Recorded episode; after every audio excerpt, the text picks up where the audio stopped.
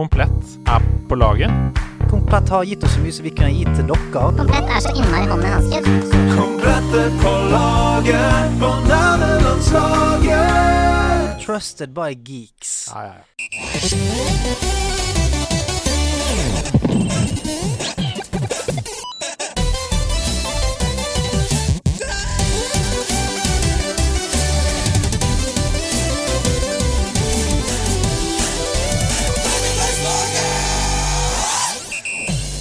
Er en av Norges yngste mennesker. Han elsker dataspill, og ikke minst elsker han å være i live. Han er fantastisk å høre på og se på, og hans fornavn er Andreas Hedemann. Turboen er på! Turboen er på! Ja, ja, han sitter. Ja, det sitter den. Turboen er på. Husker du hvor den er fra? Referansen? Eh, det er vel filmen Turbo, da? Nei, det er fra din egen Portal 2-stream! Er det sant? Ja! Siterer du meg for en uke siden? Å, fy faen, det er rått. Og det er Sebastian, ikke vår Sebastian, men en lytter-Sebastian, som har sendt inn, og på mange måter er jo han også vår Sebastian, da. Ja, ja, alle Sebastianer som hører på oss, er vår Sebastian. Ja, så du drev og sa det gjentatte ganger. Jeg fulgte jo med på den Portal 2-streamen din, det var veldig morsomt. Takk, takk, takk. takk. Det er jo sa- mye på grunn av Valve uh, sitt spillkunst.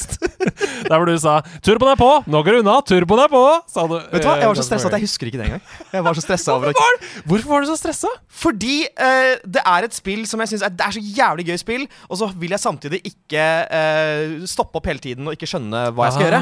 Så jeg sitter her sånn Jeg vil ikke drite meg ut foran chatten. Men du driter deg aldri ut. Altså Poenget med Portal 2 er jo prøving og feiling. Yeah. Det er jo hele poenget. Så uh, du må ikke ha dårlig selvtillit på det. Og det episke øyeblikket da du holder på med koppen, det er det morsomste. Det er Ja! det morsomste. Det er sant, det! Fordi jeg drev og sleit veldig med en av oppgavene. Så kom jeg meg inn i et skjult rom, som jeg tipper nesten ingen er i. Og så finner jeg en kopp som jeg bruker til å blokkere en laserstråle. Og så klarer jeg oppgaven på en annen måte enn det som Valve har tenkt at jeg skal gjøre. Og det er så bra, for du var sånn Ja, I see what you did there. Man må bruke denne koppen. Og alle bare sånn Hvor har du funnet den koppen? Ja. Det Gå inn og se akkurat det klippet der. Mysteriet med den magiske kopp. Hvordan går det med deg ellers? Du, det er jo helt konge, da. Jeg, jeg har begynt å Jeg har begynt å få pollentendenser. Ja. Eh, og så er det så deilig at i dag regner det. Mm. Og det er jo eh, en av Vi får positive tingene med at det regner. Jeg synes det er Vet du hva? Jeg, jeg følger en sånn eh, subreddit som heter Cozy Places. Mhm. Og så er det en annen som heter Raining. Og begge de to De kombinerer seg til en sånn deilig, koselig symbiose Ja. av hyggelig sted med regn utenfor vinduet. Jeg setter veldig pris på regn. Ja, Er det gæren regn når du, sitter, når du er innendørs eller har tak over hodet? Det er ikke alle som har det.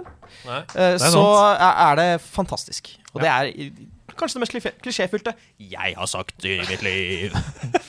Men eh, Hvordan går det med deg? Du, det går veldig bra. Jeg er som sagt veldig glad i regn, og det regner jo. Um, så Skal begge to ha det som sin Ja, greie? Ja, ja. Vi er ikke mer kreative enn som så. Det er vi ikke. Det eneste er at det er latterlige mengder trafikk i Oslo i dag. Og jeg vet ikke hvorfor. Det har ikke skjedd noe trafikkuhell. Jeg lurer på om det er som følger. Eh, Dette er også sikkert sagt av mange før. Har vanene våre endret seg etter pandemien, du? Pent. Pent. Du, eh, jeg lukter kronikk. Eh, men det kan også være fordi det er trafikkens dag i dag. Så det er jo, hele verden skal jo lage trafikk. Ja, trafikkens dag, ja. ja. Ja. så det er ingen skal gå.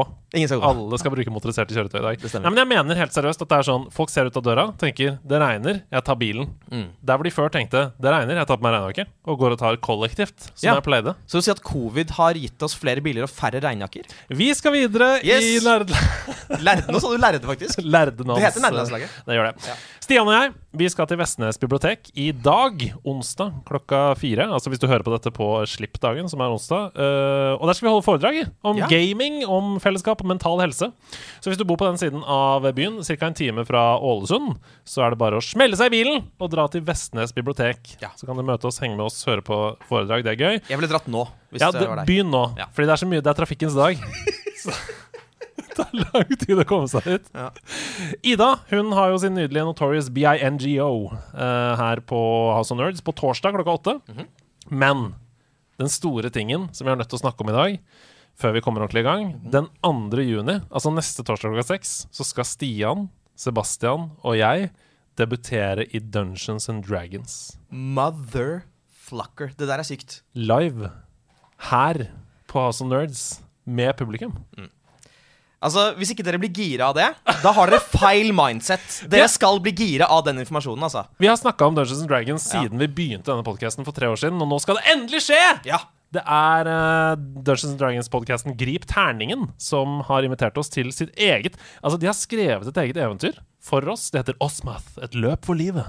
Minner litt sånn som podracing fra Star Wars og sånn. It's podracing! Pod racing. It's pod Anakin Skywalker. Episode one, the best one. I hvert fall, Vi skal prøve å få streama det hvis du er på et eller annet sted i Norge som ikke tillater deg å komme ned på House of Nerds. Men vi kan ikke love noe, fordi jeg vet ikke hvor stor plass scenen tar, f.eks. Så vi vet ikke. Hvis du har mulighet til å møte opp, så burde du gjøre det.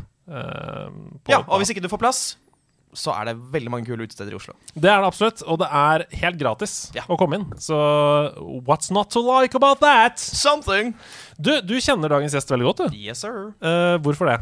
Det, det er mange grunner til det. Det er fordi vi har vært fans, store store fans av hverandre helt siden vi startet i, i underholdningsbransjen. Men det er også fordi vi uh, i høst laget en uh, podkast som het Krimfavoritter. På Podimo, som fikk en hel sesong på seg før det ble kansellert. Ukas gjest var en av mine absolutt aller første kollegaer i yrkeslivet da vi sammen forsøkte å lage gøyale ting på nrk.no.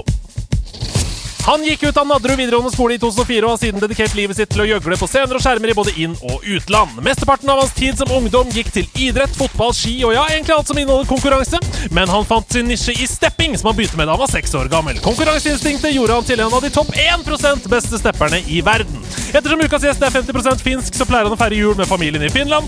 Da henger han rundt i Helsinki, knasker deilig julemat og roer ned huet med sauna og bading, for å sitere seg sjøl.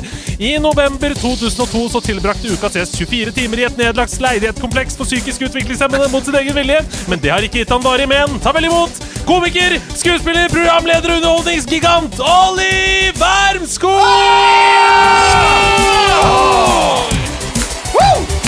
Olli og Olli, Olli og Olli, Olli og Olli. For en intro! Nei, den, eh, den satt. Ja, satt Den den var god. Underholdningsgigant. Har du- Ja, den skal, jeg ta med meg, den skal jeg ta med meg og begynne å bruke. Nei, det er litt ubehagelig å bruke den sjøl. Jeg har Ja. aldri kalt meg sjøl underholdningsgigant noe sted noen gang. Det føler jeg bare Erik Bye noensinne har kunnet si om seg selv. Ja. Ja. ja. Ja. E- Erik Bye og, eh, og sånn Rolf Just Nilsen, kanskje, og for, for de som vet hvem det er. Og nå også deg, Og nå også meg. Det liker jeg å komme i den rekken, uh, rekken der. Men la oss ta Um, tak i et par ting her. Ja. Um, Rei, Hm? Regnet tenkte du på? Nei, jeg tenkte på halvt, fin halvt finsk. tenkte jeg på først og fremst. Halvt finsk, ja. Ja. Uh, ja, det kan jeg bekrefte. jeg har en finsk mor. Ja. Uh, født i Sverige. Født i Nord-Sverige. Ja. Uh, også døpt der, av en eller annen grunn. Men mora mi er finsk. Fra Hämeenlinna, som uh, Tavastehus, som er det svenske navnet på den byen. Ja. Som er ti mil rett nord fra Helsinki. Som er, på en måte, har jeg skjønt, i voksen alder, eh, en harry Den mest harry byen i Finland. Og at, det, at det er kjent som det. At liksom det er nesten et uh, skjellsord. Nei, ja, Nei. altså, jo, folk derfra visstnok er litt dummere. Å, Eh, og der er det masse råning. Jeg husker jeg var med på sånn råning da jeg ble sånn 16-17 med, med da mine selvfølgelig åtte år eldre venner, som man Ja. har når man er eh, på litt mindre steder. Eh, så en harry, harry by. Eh, men eh, like fullt er jeg glad i den. Kan jeg eh, gjøre det at du er litt så Altså, Nordmenn er jo veldig nasjonalistiske når det kommer til f.eks. store prestasjoner i idrett og sånne ting. Vi Ja. er veldig stolte når utlendinger snakker fint om oss og sånn. Ja. Kjenner du på stolthet over Rovio, det finske selskapet bak spillet Angry Birds? Og en, em, Nei. Nei? Jeg kjenner 10 pro Jo, 10 Ja, men det er jo ikke nei, det er jo ja. Ja, det, er, ja, det var derfor jeg Ja. s- trakk på det. øh, Eller strakk på det. Jeg trakk det, jo, jeg trakk det litt også. Ja. Men eh, jeg, jeg liker å kunne si at Angry Birds er finsk. Ja. Eh, til min sønn på fem, så, som ikke helt vet hva det er, men vet det litt, så er jeg veldig, sier jeg veldig tydelig at dette er finsk spill. Ja, for det er en stor underholdningsfranchise. Virkelig. Ja, det er jo det. Det er jo eh, altså milliardbedrift. Ja. Det er en milliardbedrift. Ja. Det er en gasellebedrift. Ja. Tiende år på rad. Så ja. Men, eh, men ja, jeg, så ja, 10 Ja, ja det skjønner jeg. Så én av ti ganger når noen spør deg uh, hva tenker du om Angry Birds, så sier du 'jeg er stolt av det'. Ja, ja. Det, det vil jeg si. Men jeg, jeg er mer stolt av Nokia. Å oh, ja! ja! Telefonen, på en måte. Men er du, er du, stolt av det nå? Fordi det, dette er jo fordums storhet! Ja, fordi at det, det, kom Jeg var den første i Norge med Nokia Jeg var, jeg en av tre, tror jeg, som hadde liksom Nokia 3210. Ja. Oh. Første uten antenne. Mm. Uh, som hadde Snake, og jeg lærte mm. meg alle ringetonene utenat nedover. Uh, fra topp til bunn. Uh, og jeg var, liksom, jeg var den telefonens største nerd. Så hvis vi nå siterer en ringetone, så kan du tittelen? Nei, men jeg vet at neste er um,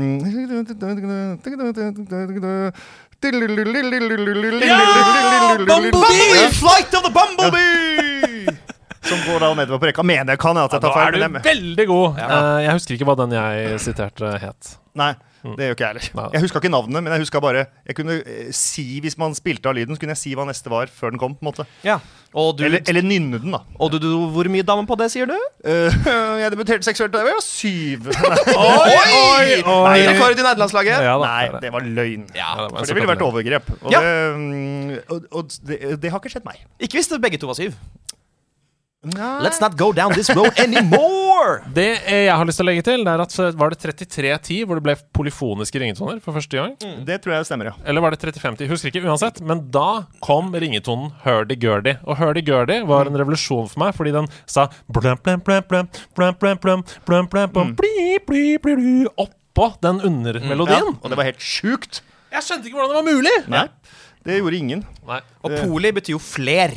Ja. Så det var rett og slett flere lyder samtidig. Det var som overgangen fra Nest til SNES. Eller svart-hvitt i farge-TV. Ja! På en måte. Ja! Ja. Sånn har det blitt. Men du, ja. Hasse. ja. Hva er det du tenker på? Eh, hva jeg tenker på akkurat nå som faktisk? Jeg tenker på at jeg bare må være eh, 5% lavere i monitor. Det skal du være. Du prøvde å mime noe greier. Jeg prøvde å mime det. på Jeg trodde det var, jeg trodde det var Nå vil jeg snakke. Å nei, faen! Nei da. Men eh, da, har, da har vi jo på en måte brutt den fjerde veggen også. Og innrømmet at vi bruker mikrofoner her i studio. Ja. Så det var ikke noe mer enn det. Er alle fornøyde nå med lyden? Ja, ja, ja, ja. Jeg er strålende fornøyd. jeg. Det er veldig hyggelig. Men jeg hadde også lyst til å si at jeg har en fin dag. Ja! Ja, Og hvorfor det? Jo, på grunn av regnet. Oi! er det Fordi sånn jeg skulle har, nytt? om mulig, eh, eller ikke om mulig, jeg har nok masse mer allergier enn eh, Hasse her. Ja, For her, har dette må vi dykke ned i. allergiene mine. Ja. Ja, dykk, dykk i vei. Ehm, du har, så bare for å avslutte det, du er veldig glad fordi du har veldig mye allergier. Ja, Og i dag er det jo da regn, så akkurat det samme som Hasse sa. Bare at jeg tror min grunntilstand når det er pollen, er bare lavere og verre enn eh, Hasse. Ja. Ja, Men til gjengjeld så har jeg hatt det lenger, så jeg er mer vant til det, kanskje. Mm. Men eh, så når det er regn, og det er pollensesong, da bare jeg, Altså, jeg våkner med et smil om munnen, på en måte. Jeg kjenner i lufta med en gang. Mm. Bare eh, Ja, deilig. For du har jo en legendarisk eh, Ikke vaksinepass, men allergipass. Du har et legendarisk allergipass. Ja. Der er det, det er mange ting. Veldig mange ting. Hva er det du ikke er allergisk mot? Det er kanskje lettere å spørre, eller? Det som er overraskende at jeg ikke er allergisk mot, er, er eh, melk. Ja. For det er de aller fleste øh, som har mye allergier, er allergiske mot melk. Ellers så er det mot alt. Av, altså gluten og nøtter og pollen og midd og alle dyr Ja. og drit. Har du ofte kødda med sånn 'jeg er allergisk mot dårlig stemning'? At du har liksom tatt, brukt det som metafor? Eh, nei, Nei. men jeg skrev låta 'Allergisk mot negative vibes' i sin tid. Så Ja. ga den til Admiral P. Uten, ved, uten å få betalt. Uten å få betalt, selvfølgelig. Fordi det var løgn. Det er veldig bra. Uh, har det ført til at du har spilt mer, tror du? Fordi du har vært begrenset på andre områder i livet? Eh, det har jeg faktisk aldri tenkt på, men eh, det kan fort hende Ja, jeg har jo det, renner jo ofte i øya og sånn, så det er Ja. ganske ubehagelig å, å spille. Men jeg har visualisert mye spill. Men det kan ja. være, det har vært like så mye som fotball eller eh, altså det, brettspill, for den saks skyld. Sjakk. Ja. Jeg spilte mye sjakk med faren min da jeg var liten, og liksom så for meg trekk og ikke helt eh, Herregud, hva heter vår alles Magnus Carlsen? Magnus Carlsen. Sjakkgeniet. Ja. Ja. Sjakkens Langt unna, Mozart. ja, sjakkens Mozart. ja, langt unna der, men Ja. eh, likevel. Så for meg trekk. Mm, så lå og spilte i huet mitt. Wow. Men ja, dette var en slags glidende overgang, forsøk på det, til å snakke om spill. For det er jo det denne podkasten handler om. Og du er jo her i kraft av å være en gamer. Ja. Hvem er du som gamer? Altså, hva slags type spiller er du? Jeg er en snever Jeg spiller mye, men ikke så bredt. Ja. Jeg spiller noen spill masse, Ja. Uh, og så er jeg også en uh, brettspillens mann. ja. Uh, jeg liker ikke å Jeg liker når jeg er god venn av en, et menneske som dere begge kjenner, som heter Stian Gulli. ja. Uh, som er en brettspillens mann. Ja, Han kan faktisk si det uten å trekke på det. Ja, Så jeg liker å liksom omgås han, så jeg kan bli tatt inn, inn i brettspillene gjennom han. Fordi å sitte og lese seg gjennom 40 000 sider på et nytt brettspill og sette det opp, det elsker han. Det elsker ikke jeg. Jeg Ja. elsker å spille det, ikke finne ut av åssen det funker. Og det som også er digg, er jo at brettspill koster ekstremt mye penger. Ja, det så det. det å ha, kjenne noen som eier mange, Ja. er bare positivt. Han har brukt så mye penger på brettspill, han. Ja. Så det mm. føler jeg at jeg egentlig skylder noe cash for. Men ja, men så jeg er en snever spiller, da. Jeg har spilt eh, helt sinnssyke mengder liksom Rocket League og ja. eh, Guitar Hero har jeg spilt helt vanvittig mye. Det er liksom kompetitivitet. Ja, mye mer det. Enn, Ja. eh, men jeg syns det f.eks. er gøy med uh, Spiderman var det første spillet jeg kom på. Ja. Uh, som Det er jo ikke et veldig Det er jo ganske De leier deg jo hånda gjennom hele spillet, på en måte. Vi snakker om PlayStation 4 Spiderman. Uh, ja. Ja. Jeg har vurdert nå å ta den, kjøpe den nye, for jeg har PlayStation 5. Miles Morales. Ja, men jeg har ikke gjort det. Nei. Enda. Det går bra. Men du, du sa du har PlayStation 5? Ja. Gratulerer! Endelig! Ja. Jeg har hatt i nesten fem Altså, jeg, jeg, den, jeg bestilte jo en for kjempelenge siden. Den fikk jeg for to måneder siden. Ja. Uh, den ga jeg til en kompis av meg uh, som bodde Den er sprengt nå. For Hæ? den er Den PlayStation jeg eh, fikk, den er i Kharkiv. I Øst-Ukraina. Her kødder du med meg? Nei. Eller jeg antar at den er sprengt. Vi har, Stopp. har noen bilder. Pressen. Ja. Du har shippet en PlayStation 5 til Kharkiv. Ja, til min eh, gode venn Andreas Tranøy, som bodde i Kharkiv i Øst-Ukraina. Jeg var på besøk der for et par år siden. Og så kom, eh, han til Norge i jula som var nå. Og da hadde jeg den allerede da, ja. ja. Nei, det var i samme det. Februar. Et Ja. fett når Ja, akkurat ja, ja, det var. Men uh, så sa jeg at jeg har allerede en PlayStation 5, Mm. så du kan få denne PlayStation 5-en av meg. Um, så han tok den med seg dit. Og da krigen brøt ut, så måtte jo han rømme. Ja. Og PlayStation 5 sto ikke øverst på prioriteringslista. Og vi, det var såpass kjapt komme seg ut. Uh, rekker ikke Ja, det var den byen det begynte i. Å, fytte Uten at det skal bli en krigspodkast-episode. Men eh, Så der står det høyst sannsynlig en bomba sprengt PlayStation 5. Wow. Med kanskje flere, da. Det kan være mange PlayStation 5 i Ukraina. Definitivt. Ja, det, Men ikke som er eh, kjøpt og betalt av meg. nei. Jeg lurer på hvor mange bomba slash sprengte PlayStation 5 det fins i verden. I verden. Jeg tror ikke det er veldig 3000. mange. 3000. Nei, det, det er for mange, tror jeg. Ja. Hvis vi sier at det finnes 20 millioner PlayStation 5, tror du ikke 3000 Fins det er sprengt i 20 helvete? millioner PlayStation 5? Ja, hvorfor kan det ikke finnes! Hvorfor kan det ikke finnes det?! Det har vært vanskelig å få tak i, vet du. Det har Ja. vært vanskelig med produksjonslinjer og Jeg gir for første gang noensinne i nederlandslaget-sammenheng Jeg gir chatten på Twitch i oppgave å finne ut hvor mange PlayStation 5 finnes det. Skriv det i chatten. Takk. Men jeg fikk jo da PlayStation 5 uh, for en kompis av meg. For jeg hadde jo en spillpodkast sjøl uh, sammen med en gjeng for en, en del år tilbake. Som For det var mitt neste spørsmål! Ja. Samspill! Ja. Fortell om det. Ja, det var jo da et eh, Egentlig en unnskyldning for seks eh, gutter, som alle sammen spiller eh, impro oppå det andre teatret, for å på en måte samles utenom ditt jobb, eh, bare for å ha det gøy. Og så begynte vi å tenke sånn Hva hvis vi spiller, men hva hvis vi lager en spillpodkast? For det er ikke så mye av det. Eh, og så lagde vi Samspill, og lagde vel 200 og et eller annet episoder. Det er mer enn nederlandslaget. Ja, ja, vi lagde masse Holdt på i tre-fire tre år, tre-fire år, tror jeg. Og hadde, Apropos dere skal ha Dungeons Dragons-premiere. Vi hadde jo Samspilleren Dragons. eh, Oh! Sånn spin-off-greier. hvor Stian Gulli nok en gang eh, hadde lagd dette, for han var en av de som var med i den. Eh, hadde lagd da vårt univers, da. Men uh, nei, det var rett og slett vi uh, vi var veldig forskjellige type spillere, men gode venner. Så vi visualiserte litt ting, improviserte litt, uh, snakka om ukas spill og ja. Ikke så, ikke så ulikt uh, dette, bare litt annerledes. Ja. Jeg tror jeg hørte de første 70 episodene eller sånn Ja. av Samspill, og så falt jeg av av en eller annen grunn. Nei, ikke si det til Olli Ollie, da. Nei, men det er jo sånn man gjør det. Ja, Ja, ja. ja, det, var, det, var, altså, det var ikke, handlet ikke om kvalitet i det hele tatt. Det bare 70, jeg syns det er bra. jeg. Hva Ja. hørte du, altså? Uh, jeg tror jeg nærmer meg 120 nå. Holder fortsatt på. Hører én i måneden. Ja, du gjør det? Jeg hører på nytt. Ja, det gjør det. Spennende. Men det jeg lurer på, er jo eh, om, det, om vi nå kommer I og med at nå, ikke sant, Dungeons Dragons Dere har laget noe som eh, har med det å gjøre. Er vi i en sånn situasjon der vi er eh, South Park, og dere er Simpsons. Sånn at hvis vi kommer på en ny idé, så vil dere alltid ha gjort den før oss. Uh, det Nei, for spillet er jo såpass i utvikling. Men jeg, jeg er nok Hvis du lurte. men vi har nok gjort veldig mange ting som eh, gjøres her.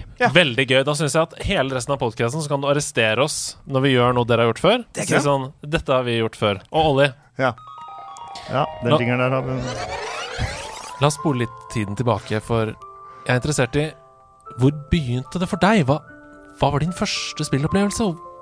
Hva var på en måte din fødsel som gamer? Ah, Det er et godt spørsmål. Uh, det var Kommandore 64. Wow. Det er det ikke mange som kan svare. Nei, det var min bror hadde det. Uh, hadde kopiert over to, litt over 2000 spill som han hadde på disketter. Og han satt og spilte dette. Uh, hadde ikke Amiga. Det gikk min bror Jens til en kompis av som het Lasse og spilte. Der fikk jeg være med én gang. Oi. Ja, men Så jeg husker ikke Amiga, men jeg husker uh, Commodore 64. Commodore 64 altså, som eh, var uh, Jeg spilte Boulder Dash og sånne karate Jeg husker ikke hva det heter. Karatespill. Måtte skrive en sånn kommandoer.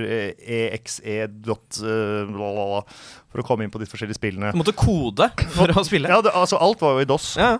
Uh, og så spilte jeg med sånn uh, god gammeldags joystick med røde knapper på sidene. Den var svart. Og da har jeg jeg, har, jeg, jeg føler alle minnene er blitt til liksom ett minne fra Ja. jeg var fire til seks, kanskje, eller sju. Uh, hvor jeg spilte liksom Bolly Dash, og jeg begynte å skjønne det. Og så spilte jeg et sånt golfspill med faren min, husker jeg. Uh, og broren min uh, lærte meg opp i liksom åssen ting funka. Wow. Så det, er liksom, det, det starta nok der, tror jeg. Hvor, hvor tidlig i liksom, TV-spillenes historie er Commodore 64? Ja, det kom jo i 1964. Neida. Nei da. Olli! Nei, det, når kom det, da? Jeg er litt usikker. Jeg tror det kom på 80, midten av 80-tallet. Tidlig Ja, 80-tallet. Det er liksom samtidig som NES-ish? Ja. Ja, ok. August. Tidlig 80-tallet. Ja. August 1982. ja, det var tidlig! Vi kom før Ja. NES! Mm. Mm. Ja, ja, Commodore 64 var uh, en av de Altså sammen med Amiga og sånn, helt i starten der. Uh, altså Før det så fantes det jo konsoller som var produsert kun for ett spill. For eksempel Pong. Ja. Pong var jo en Donkey egen konsoll Ja. Uh, med ett spill på. Akkurat som at man i dag ville kalt en konsoll for Mario. Hvis Ja. den hadde kommet med bare Mario på. Ja, ja. Eh, men Commodore 64 var helt i starten av spillenes um, fødsel, ja. Ja. Så du er helt der, ja. Ja, Men du er ikke så gammel. Nei, jeg er 37. Ja. Er det første gang du sier alderen din? Eh, ja, aldri, jeg pleier ikke å si alderen min. Jeg liker å la folk gjette. Nei, um, 37, ja. Jeg, bare, det er lenge, jeg har, ikke- tror ikke jeg har sagt alderen min siden jeg ble 37, nesten. Nei. Så det, Det er nesten et år siden. Det var i april. Okay. Så jeg føler at jeg fortsatt er 36. Uansett, 37. Jeg er ikke så gammel, men jeg begynte tidlig. Mm. Um, ja. Veldig gøy. Vi har jo um, Det er en ganske unik start i nerdelandslagssammenheng. Det er mange som sier sånn Nei, Super Mario 64 eller Super Mario på Nes eller sånn. Ja, ja, ja. Men, det- der er et golfspill. Eh, tenk litt på om du kommer på hva det var det het, det golfspillet. Det kan du la Hvis ikke du husker det, så kan lytterne i hvert fall eh, sende det inn. ja, ja. De er, de er veldig gode på sånt. Ja, ja. Jeg tviler på at jeg kommer til å huske det. Jeg husker det karatespillet, men jeg husker ikke navnet på det. Men Mm. Boulder Dash er det eneste spillet jeg husker. Å! det er Space Taxi! Oi, oi, oi! Referansemannen! Ja, det spilte jeg masse. Mm. Jeg er ikke en referansemann. Altså, jeg er en skam, for jeg var den dårligste i samspill på øh, å huske Mm. øh, hva ting og tang. Men jeg har, no, jeg har noen, da. Så jeg husker Space Taxi. Hva, hva gjør man i Space Taxi? Du er en liten øh, pinnemann. Mm. øh, som de hadde klart å få disse strekene til å bevege seg, så du så, du så at den gikk. Mm. Satt seg inn i et taxi.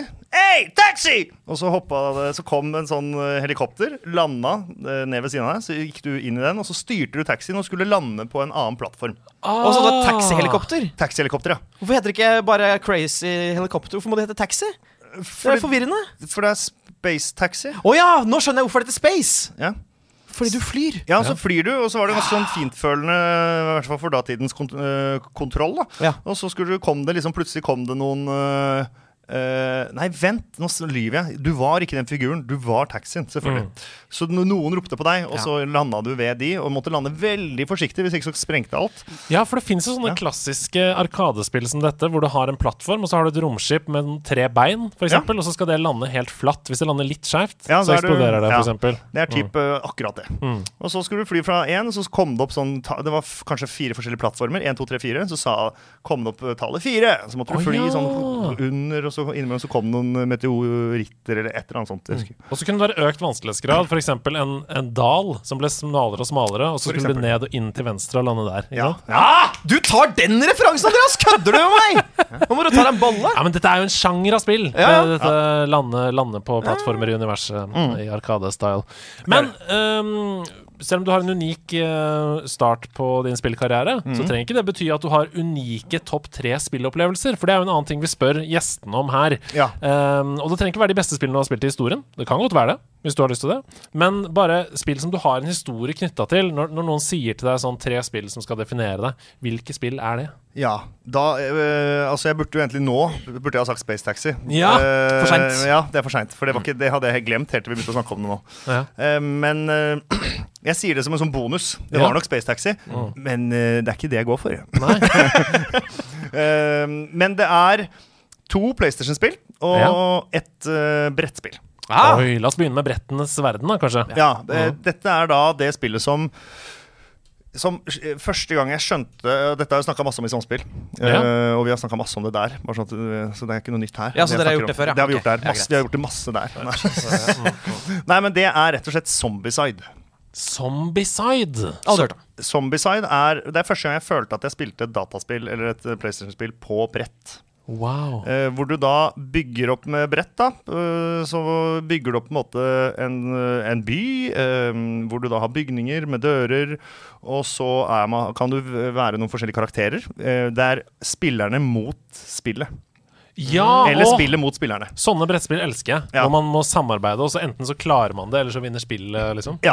Åh. Og så er man forskjellige folk med forskjellige egenskaper. Eh, Så får jo flere zombier du skyter, jo mer går du opp i XP. Mm. Eh, Jo bedre blir karakteren din. Så kan du velge når du kommer over et visst nivå, liksom fra gult til oransje. Da kommer det også flere zombier som spawner, men da får du flere skills. Så plutselig kan du gå liksom to ruter. Så har du tre activations per runde. Per spiller. Eh, og så er det noe så enkelt som ja, du skal, Dere er en gjeng som har kommet inn til byen fordi dere har gått tomme for mat og vann. Dere må bare inn i den bygningen, der er mat og vann, men for å komme dit så må dere finne den nøkkelen, og så finne den tingen, og de ligger der. Eh, og så må dere snu noen sånne x-er, på en måte, og så vet man ikke hvilken av de som åpner hvilken dør. Altså sånn. Så man må splitte seg. Det er masse taktikk. Man må finne ut av hva som er lurest. Skal vi gå for å være roligere? Skal vi rushe og ta sjanser? Og, og så er det Så spåner det da hver runde etter at vi har gjort øh, våre bevegelser, activations. Så gjør zombiene sine activations. Ah, det er som et turn-based! Ja.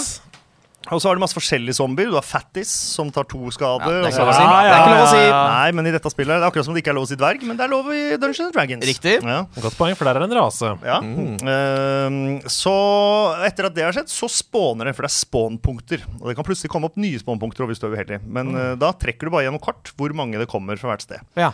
Um, Wow. Er dette et spill der uh, spillerne dør underveis? Altså at, at du kan dø, og de andre spiller videre? Ja, det kan skje. Det elsker jeg. Eh, men det, minne, altså det beste minnet med det var fordi Stian og jeg spilte det med litt forskjellige folk. eh, og så har vi begge hver vår kjæreste. Og så tenkte vi uh, Vi har ikke samme, utrolig nok. Nei, okay, ja, begynte Eh, så tenkte vi sånn ah, ja, de, Begge to syns det er gøy med litt sånn forskjellige spill. Uh, men fortsatt ikke liksom dette, vi, vi tenkte dette er kanskje for heavy. Vi, det er sånn skummelt. Liksom, ja, ok, vi prøver. Så vi begynte liksom klokka sju på en lørdag. Satte opp spillet, forklarte det. Og altså fra da til klokka fem på morgenen så glemte vi tid, sted, rom og bare spilte. Og de, altså de elska det. Katrine, kjæresten min, eh, fikk da noen motorsager. Som det, altså hun, klikka, hun fikk tolv terninger og kunne kaste. Altså hun sto og ropte. Og eh, siden den- er så gøy! Det Ja. kjempegøy og siden den dag så har vi ofte samla oss, eh, sammen med et par til, med Mats Eldøen og dama der sånn, eh, og spilt eh, brettspill. Ja. Eh, og så kommer Stian til bords, eh, bokstavelig talt, med et nytt spill, og så tester vi ut, så ha, tenker han ut hm, hva kan være kult for denne gjengen. Han er som en oh. sommelier Ja, på brettspill. ja. Ja. Wow. Tenk å, ha, tenk å ha en sånn venn! Ja. Ja, vi Så- må bli bedre venn med Hvorfor kan ikke du være sånn, Andreas? Jeg vet ikke! Jeg har mangler, jeg òg. Ja, ja, ja. Vi må tilgi hverandre. Så Kan jeg spørre, er det zombieside som i multiside? Altså CYDE? Eller hvordan uh, skriver man zombieside? så, sånn, Med CYDE? Perfekt. det tror jeg. Ja. Jeg ble, jeg ble usikker, for jeg har, jo ikke, jeg har jo knapt tatt spillet i min hånd, annet enn at jeg har sagt det i min munn. Eh, altså, det har jeg jo spilt til masse, men det er ikke jeg som har ansvaret. Det er jo Stian. Ja. Så det har jeg, husker jeg ikke. Og så har det kommet masse expansions. Du kan også få det på i typ sånn uh, western-versjon, som er litt sånn eh, Men uh, Og så kan du få det i, i space, det òg. Ja, med helikopter. Ja, så kommer det nye typer, så må du ta taxi rundt. Så det lander litt skjevt, så Ja, vinner spillet. Nei, Hvor det, er da, de kan være sånne som har eh, masse syre i seg, så du må skyte dem fra avstand. Og bla, bla, bla. Så det er, men det er kjempe, kjempekult, stort eh, og gøy spill. De sier at eh, et spill kan ta liksom Det står på hvert oppdrag ta 60 minutter, 90 minutter, 108 minutter. Det tar alltid hvert, ja, nesten dobbelt så lang tid. Ja, Kan man forberede seg på hvis man vil spille. greit. Men Det det er høres ut som en bloody good time. Bloody good time, sir. Ja. Eh, det andre spillminnet jeg har, Ja. var da jeg bodde sammen med Lars og Lars. To Larser. Mm. Uh, I mitt første andre kollektiv. Vi bodde i en toppleilighet med en sånn uh, veranda som var bare et kjøkkenvindu. Hvor noen hadde bygd en stige opp rett tvers over gamle Westerdals, for de som vet hvor det lå. Ja. Eh, hvor vi hadde da Rip in peace. Rise in peace. Hvor vi da hadde en, uh, en egensnekra, det var ikke vi, men de som bodde før der, som hadde lagd en veranda. Som sikkert ikke var forskriftsmessig og lovlig, men den var helt rå. Der inne var det, gikk det i PlayStation 3. Ja. Eh, og en hel ekstrem mengde med Guitar Hero. Ja! Jeg har ex- Lille-lille-lille-lille For man spilte Man spilte Bumblebee. Ja, på må- Nei, det tror jeg ikke. Okay. Uh, men uh, jeg, jeg har alle Altså fram til rock uh, Fram til det ble rockband, tror jeg det var, så hadde jeg alle på fem stjerner ekspert. Alle Wow. Så, Wow! så jeg spilte det masse, masse, masse. masse, masse, masse. Wow. uh, sånn dustete mye. Og jeg fikk jo ikke noe bruk Jo, én gang! Da nok en gang Lars uh, altså Lars Berrum, da. Ikke nok en gang, men Lars Berrum, uh, som jeg, en venn av meg fra ungdomstida. ungdomstida. Han og jeg var på tur uh, i USA og sammen med en annen kompis av oss. Og da første dagen vi ankom New York, så var han Mats Han var litt dårlig, så han blei på hotellrommet. Vi var sånn Vi skal ut! Så vi dro nedover til Green Nei, Green Village? Jo, det er noe som heter det. Nei. West. East Village? West Village? Greenwich Village. Ja, Der er vi. Ja, hvis det er noe som heter det. Ja, det er absolutt det. Ja. Ja. Og der eh, var vi så vi det var masse liv på en bar. Der skal vi inn. Det var en eh, homsebar hvor de hadde Rocket eh, Nei, Rocket sier Guitar Hero-turnering. Motherfucker. Oh. Okay. ok. og Lars var, Men vi måtte stille to. Uh, minst to per lag. Og Lars var jo elendig, men jeg var til gjengjeld dritgod. Så vi kom på andreplass og fikk påspandert drikke hele den kvelden. Ja! er beste jeg har hørt! Dere var eksportvare fra Norge. Ja, Det kan også ha noe med at vi var på en homsekøbar. Og Og dere var, folk var interessert i dere, jeg vet du. Ja da, vi var ikke mer enn 23, 22, 23, så vi var jo uh, hot, hotte, menn. Ja, ja, ja, det er Ja, klart det. eh, ja, så det var det. det. Det er også en stor del av meg som spill. Men du, Ja. eh, hvis du har lyst til å Har du hørt om Clone Hero? Uh, nei. Clone Hero er Guitar Hero i 2022. Der hvor du kan spille med f.eks. en helt vanlig Guitar Hero-gitar Ja. på PC-en din. Ja. ja. Litt sånn som dansematta til Aslak Maurstad, Ja. som jeg vet hører på, og sikkert ser på på Twitch også. Hei til deg.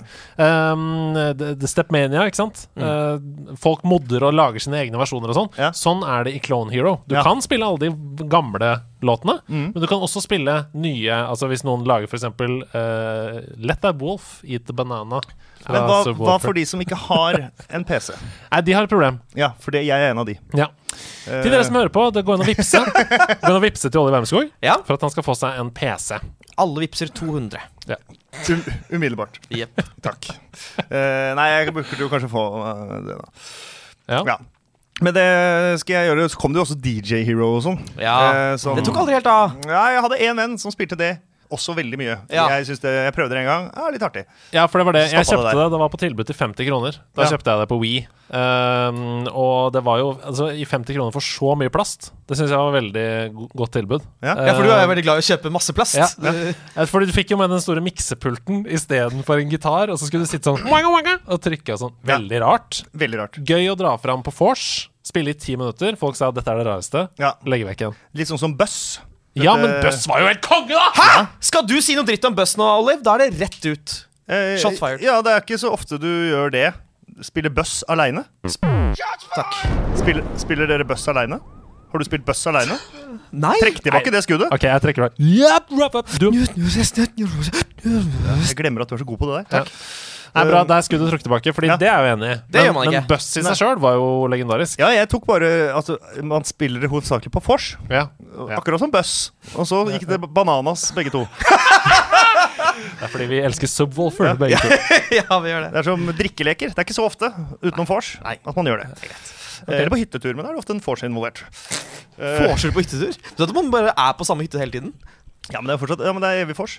Ok, greit. Det hyt, hyttetur er et, for, er et vorspiel. Ja, helt, helt til du sovner, og så er det faen meg nytt Dette vorspiel. med er en digresjon. Dette er en digresjon. Hva er det tredje spillet på lista di? Nei, jeg har sagt det også, og det er ikke noe bombe. Det er uh, Rocket League. For det har jeg spilt flaut Det er ikke flaut Nei. mye, men nesten flaut mye. Eller, altså sånn fordi jeg, jeg, Grunnen til at jeg begynte å spille det mange ganger, øh, eh, og min unnskyldning for at det ikke var et mye større spill som tar mye mer tid, var for at herregud, det er jo, kampen tar fem til ja, Den tar litt mer, da, med stopp og mål og sånn, men sju minutter, da. Eh, så spiller jeg en tre-fire sånne, så er det en halvtime. Så trenger jeg ikke å spille mer. Men det skjer jo ikke. Sju timer seinere så går jeg og legger meg klokka fire og jeg tenker sånn ah, ah, Det var jo gøy, det. Ja, ja. Men uh, der, jeg, jeg prøvde å jeg- Av en eller annen grunn så har jeg logga ut av min PlayStation uh, nå. For jeg skulle finne ut av det før jeg kom ned hit, hvor mange timer jeg har der inne. Ja. Men det er helt sånn Altså det er eh, sånn at Hva er det man sier? 10 000 timer eller et eller annet? Da er du mester, ja. Ja. Så jeg har spilt altfor mye. Alt, alt, altfor mye. Har du spilt Rocket League med Ollie, Hasse? Nei, jeg har spilt Rocket League kanskje én gang. For det har jeg.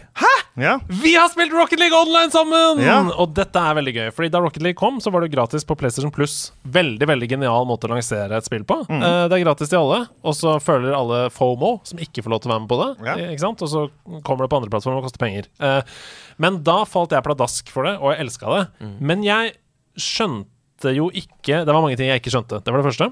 og for det andre så skjønte jeg heller ikke at eh, det var så viktig kompetitivt. Jeg spilte Nei. det fordi jeg syntes det var gøy, liksom. Ja. Så da jeg møtte Ollie Vi møttes online, vi laga til hverandre til på PlayStation og sånn. Spilte en gang, så skjønte jeg sånn OK, jeg har ingenting å stille opp med.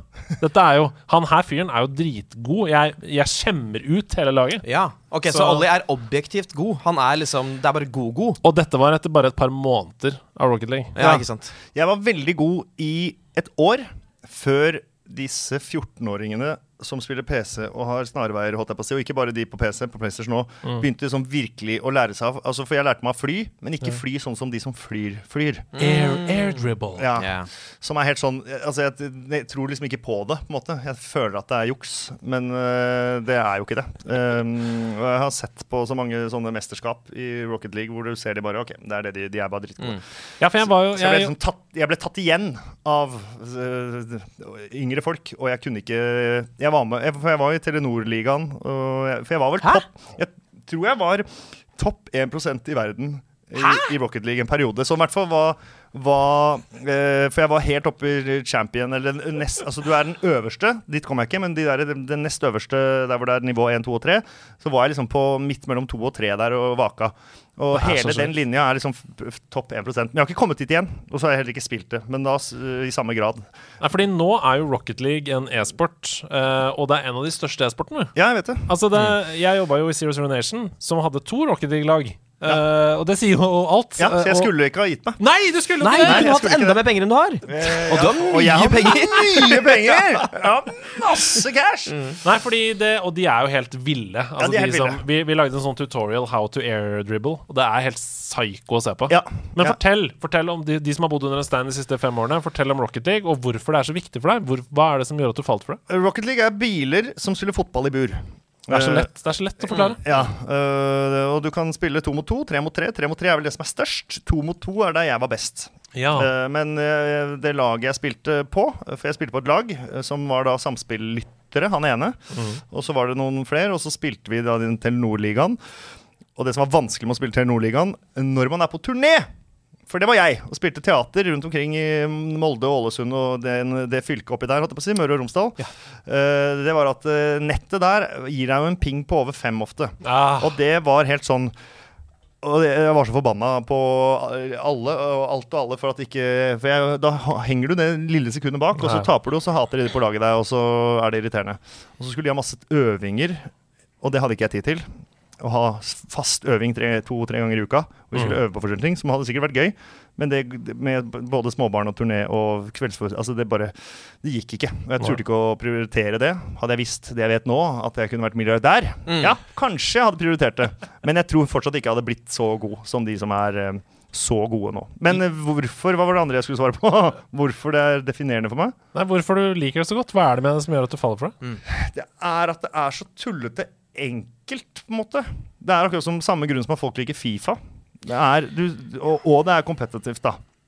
At du, det er bare den matchen, og så neste match er en helt ny match, selv om det er akkurat det samme, og så bare går det sin gang. Og så kan du forbedre liksom sånne småting og finne ut av sånne nerderiting. Vi delte, jeg delte banen opp i ni, så jeg liksom hadde eh, fra La oss si der venstre spiss da ville vært i fotball. Det var én. Og så gikk det bortover to, tre på liksom angrepsrekka. Så fire, fem, seks, sju, åtte, ni. Så at man kunne si eh, går til ni, går til sju. Så at man hele tida visste hvor de andre var. Eh, men det var bare hele filen, og hvor deilig det var å føle seg god, og hvor jævlig det var å tape. Og det var så fort opp og ned. Og du kan spille det med egentlig hvem som helst. Det er kjipt for rank. Jeg har spilt altfor mye med Martin Mark gjennom en pandemi nå. Uh, men, uh, så jeg har jo stupt nedover, for han er ikke så veldig god. Um, Sorry, Martin. Men jo da, han har kommet seg veldig. Men eh, likevel. Jeg har, min rank har gått nedover. Han er ikke her til å forsvare seg. Nei, og det skal han ikke være heller. Nei. Nei. Han er ikke en gamer. Å, det er fantastiske ord. Eh, jeg tror vi har etablert At Mark ikke er en gamer. ja, ja, at, at han ikke skal være her fordi du er så kompetitiv. ja. Mm. Det er fantastisk ord. Det er fantastisk ord. Uh, jeg tror vi har etablert sånn greit hva slags gamer du er. Brant du inne med noen spørsmål? Jeg mente at du satt der med hånda litt i været. Nei, jeg sitter aldri med hånda. Jeg bare hopper inn med spørsmål når eh, det faller meg inn. Jeg har er ingenting derfor- jeg lurer på. Det er derfor du er så god. Ja. Uh, Olli, Ja. hva spiller du nå?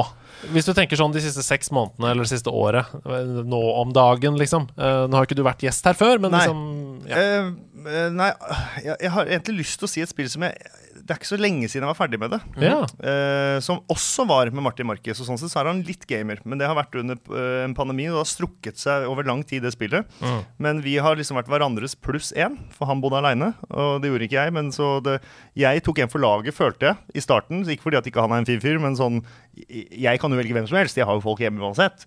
Mens han måtte liksom være mer selektiv. Stakkar! Han er en flott fyr, han er en nydelig mann. Men uh, vi spilte i hvert fall uh, It Takes Two.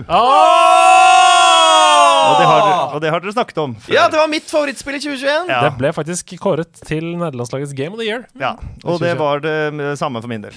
Det var bare en helt øh, Og vi satt på en måte Fordi han bodde jo over Njø scene, Njø. som er, Njø, som er en, en scene her i Oslo, da, for de som ikke er fra Oslo. um, og da hadde vi på en måte, som blant få, altså direkte tilgang til bar. Oi! Ikke nødvendigvis at vi eh, bare stjal fra den baren, for det var ikke så mye å stjele derfra uansett. eh, Fordi ting var tømt. Men vi hadde en bar å være i, så Ja. vi satte opp storskjerm nede liksom der hvor det er st- standup og andre typer show nå. Og satt vi på to sånn godstoler. Satt vi der og spilte, og drakk og spilte. Og Det der høres ut som en drøm. ja, men, og i hvert fall. Ja, det, det høres gøy ut uansett, men gjennom en pandemi hvor du på en måte ikke får lov å gjøre noe, og da sitte der, så følte vi liksom lurte systemet. Dere hadde deres eget utested. Ja. Mm. Og, vi kunne, Wow! og som er lydisolert, så vi kunne jo spille altså det, Vi hadde jo på maks lyd med surround og alt mulig. Det er bra det ikke var de strømprisene vi har nå, for å si det sånn. For da var Morten Ramm måtte betale. Men det har han råd til. Ja, det er faktisk Han, han har masse penger. Yes. Han har, han har masse penger. Ja, det er faktisk sant. Ja. Det er jo bevist. Ja.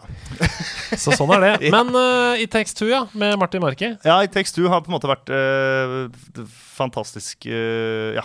Hvem var gutt, og hvem var jentekarakter? Vi har spilt øh, begge, men det starta som at jeg var øh, gutt, Ja. og han var jente. Sier du at dere bytta på underveis? Nei, vi spilte igjennom, og så to, var vi sånn ah, Googla oss i hjel for å finne noe lignende. Uh, spilte Hva heter det hvor du rømmer ut fra fengsel? Ja, Ja. det heter uh, A Way The Out. Way Out. Out, ja. Det hang seg to ganger på samme sted, og da klikka det for oss. Og så gikk vi til bare sånn Nei, det er ikke noe bedre enn det. Vi spiller det på nytt. Og så Ja. merka vi at det var flere av de gangene vi hadde vært relativt fulle etter hvert. Så var flere deler vi kom til, som var sånn Nei, hva faen er det her? Her er det noen bier, og her er det noe opplegg. Så, så vi koste oss uh, med runde to òg. Ja. Nei, det, er helt, eh, det er helt nydelig å høre på. Det er Ja. en ekte entusiasme. Og Valhalla. Valhall? Valhalla. Mm, Assassin's Creed. Valhalla. Det har jeg også spilt uh, et godt stykke, og så bare stoppa det. Ja. Før eller etter Rygia-fylket? Eh, e e etter. Ja. Eh, Jeg vil bare si Rygia-fylket, Ja, ja. fordi det er Rogaland på Ja. eh, norrønt. men eh, Så jeg, jeg kom et godt stykke, men så bare Jeg tror det var et, Jeg husker ikke. Jeg var i hvert fall borte fra det en, to uker, og så savna jeg det ikke, på en måte. Det er for svært, eller? Ja da. Det er mange spill som er for svære, da. Ja. Er, er dere den, en del av dette nye Elden Ring? Ja. Jeg er jo i aller høyeste grad det. 170 timer. Vi skal nok Ja. eh, tilbake dit når vi skal høre hva du har spilt i det siste, tenker jeg. Uh, men men du, du savna det ikke, var det det du sa? ja.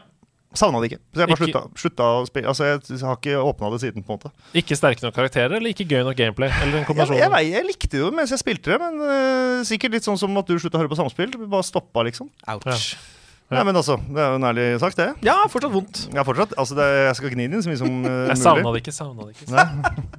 Jeg hører du sier dere skal inn og snakke om hva du har spilt i det siste. Jeg mener at det var første spalte i samfunnet Men det, er- det er greit.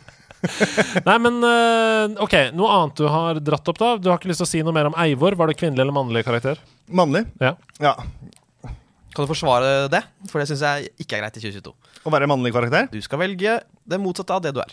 Ja, nei, det gjør jeg ikke nødvendigvis. Det kan jeg fint gjøre, men jeg gjorde ikke det her. Nei. Det er litt interessant. Når du spiller spill som det, roleplayer du da? Altså Går du inn mentalt i rollen som den karakteren, eller prøver du å lage en karakter som er mest mulig lik deg sjøl? Det, jeg er nok nærmere det første, uten at jeg gjør et dypdykk i det heller. Ja. Men det er nok mer det. Ja. Uh, er sjelden jeg liksom prøver Jeg har sånn For eksempel du kan i spill hvor du kan lage spilleren mest mulig lik deg sjøl. Det gjør jeg nesten aldri. Jeg lager den mest mulig ulik meg sjøl. Mm. eh, og så har jeg ikke så jeg, jeg, jeg blir alltid sånn lei av sånn her uh. Nok en gang, Stian Gulli tar jo bilder av alle sammen og lager karakterer og sender det til oss på PlayStation og sånn, til forskjellige spill. Og det Nå i den nyeste bilspillet, som heter Forza Horizon eller Gran Turismo? 7. Gran? Turismo 7. Mm.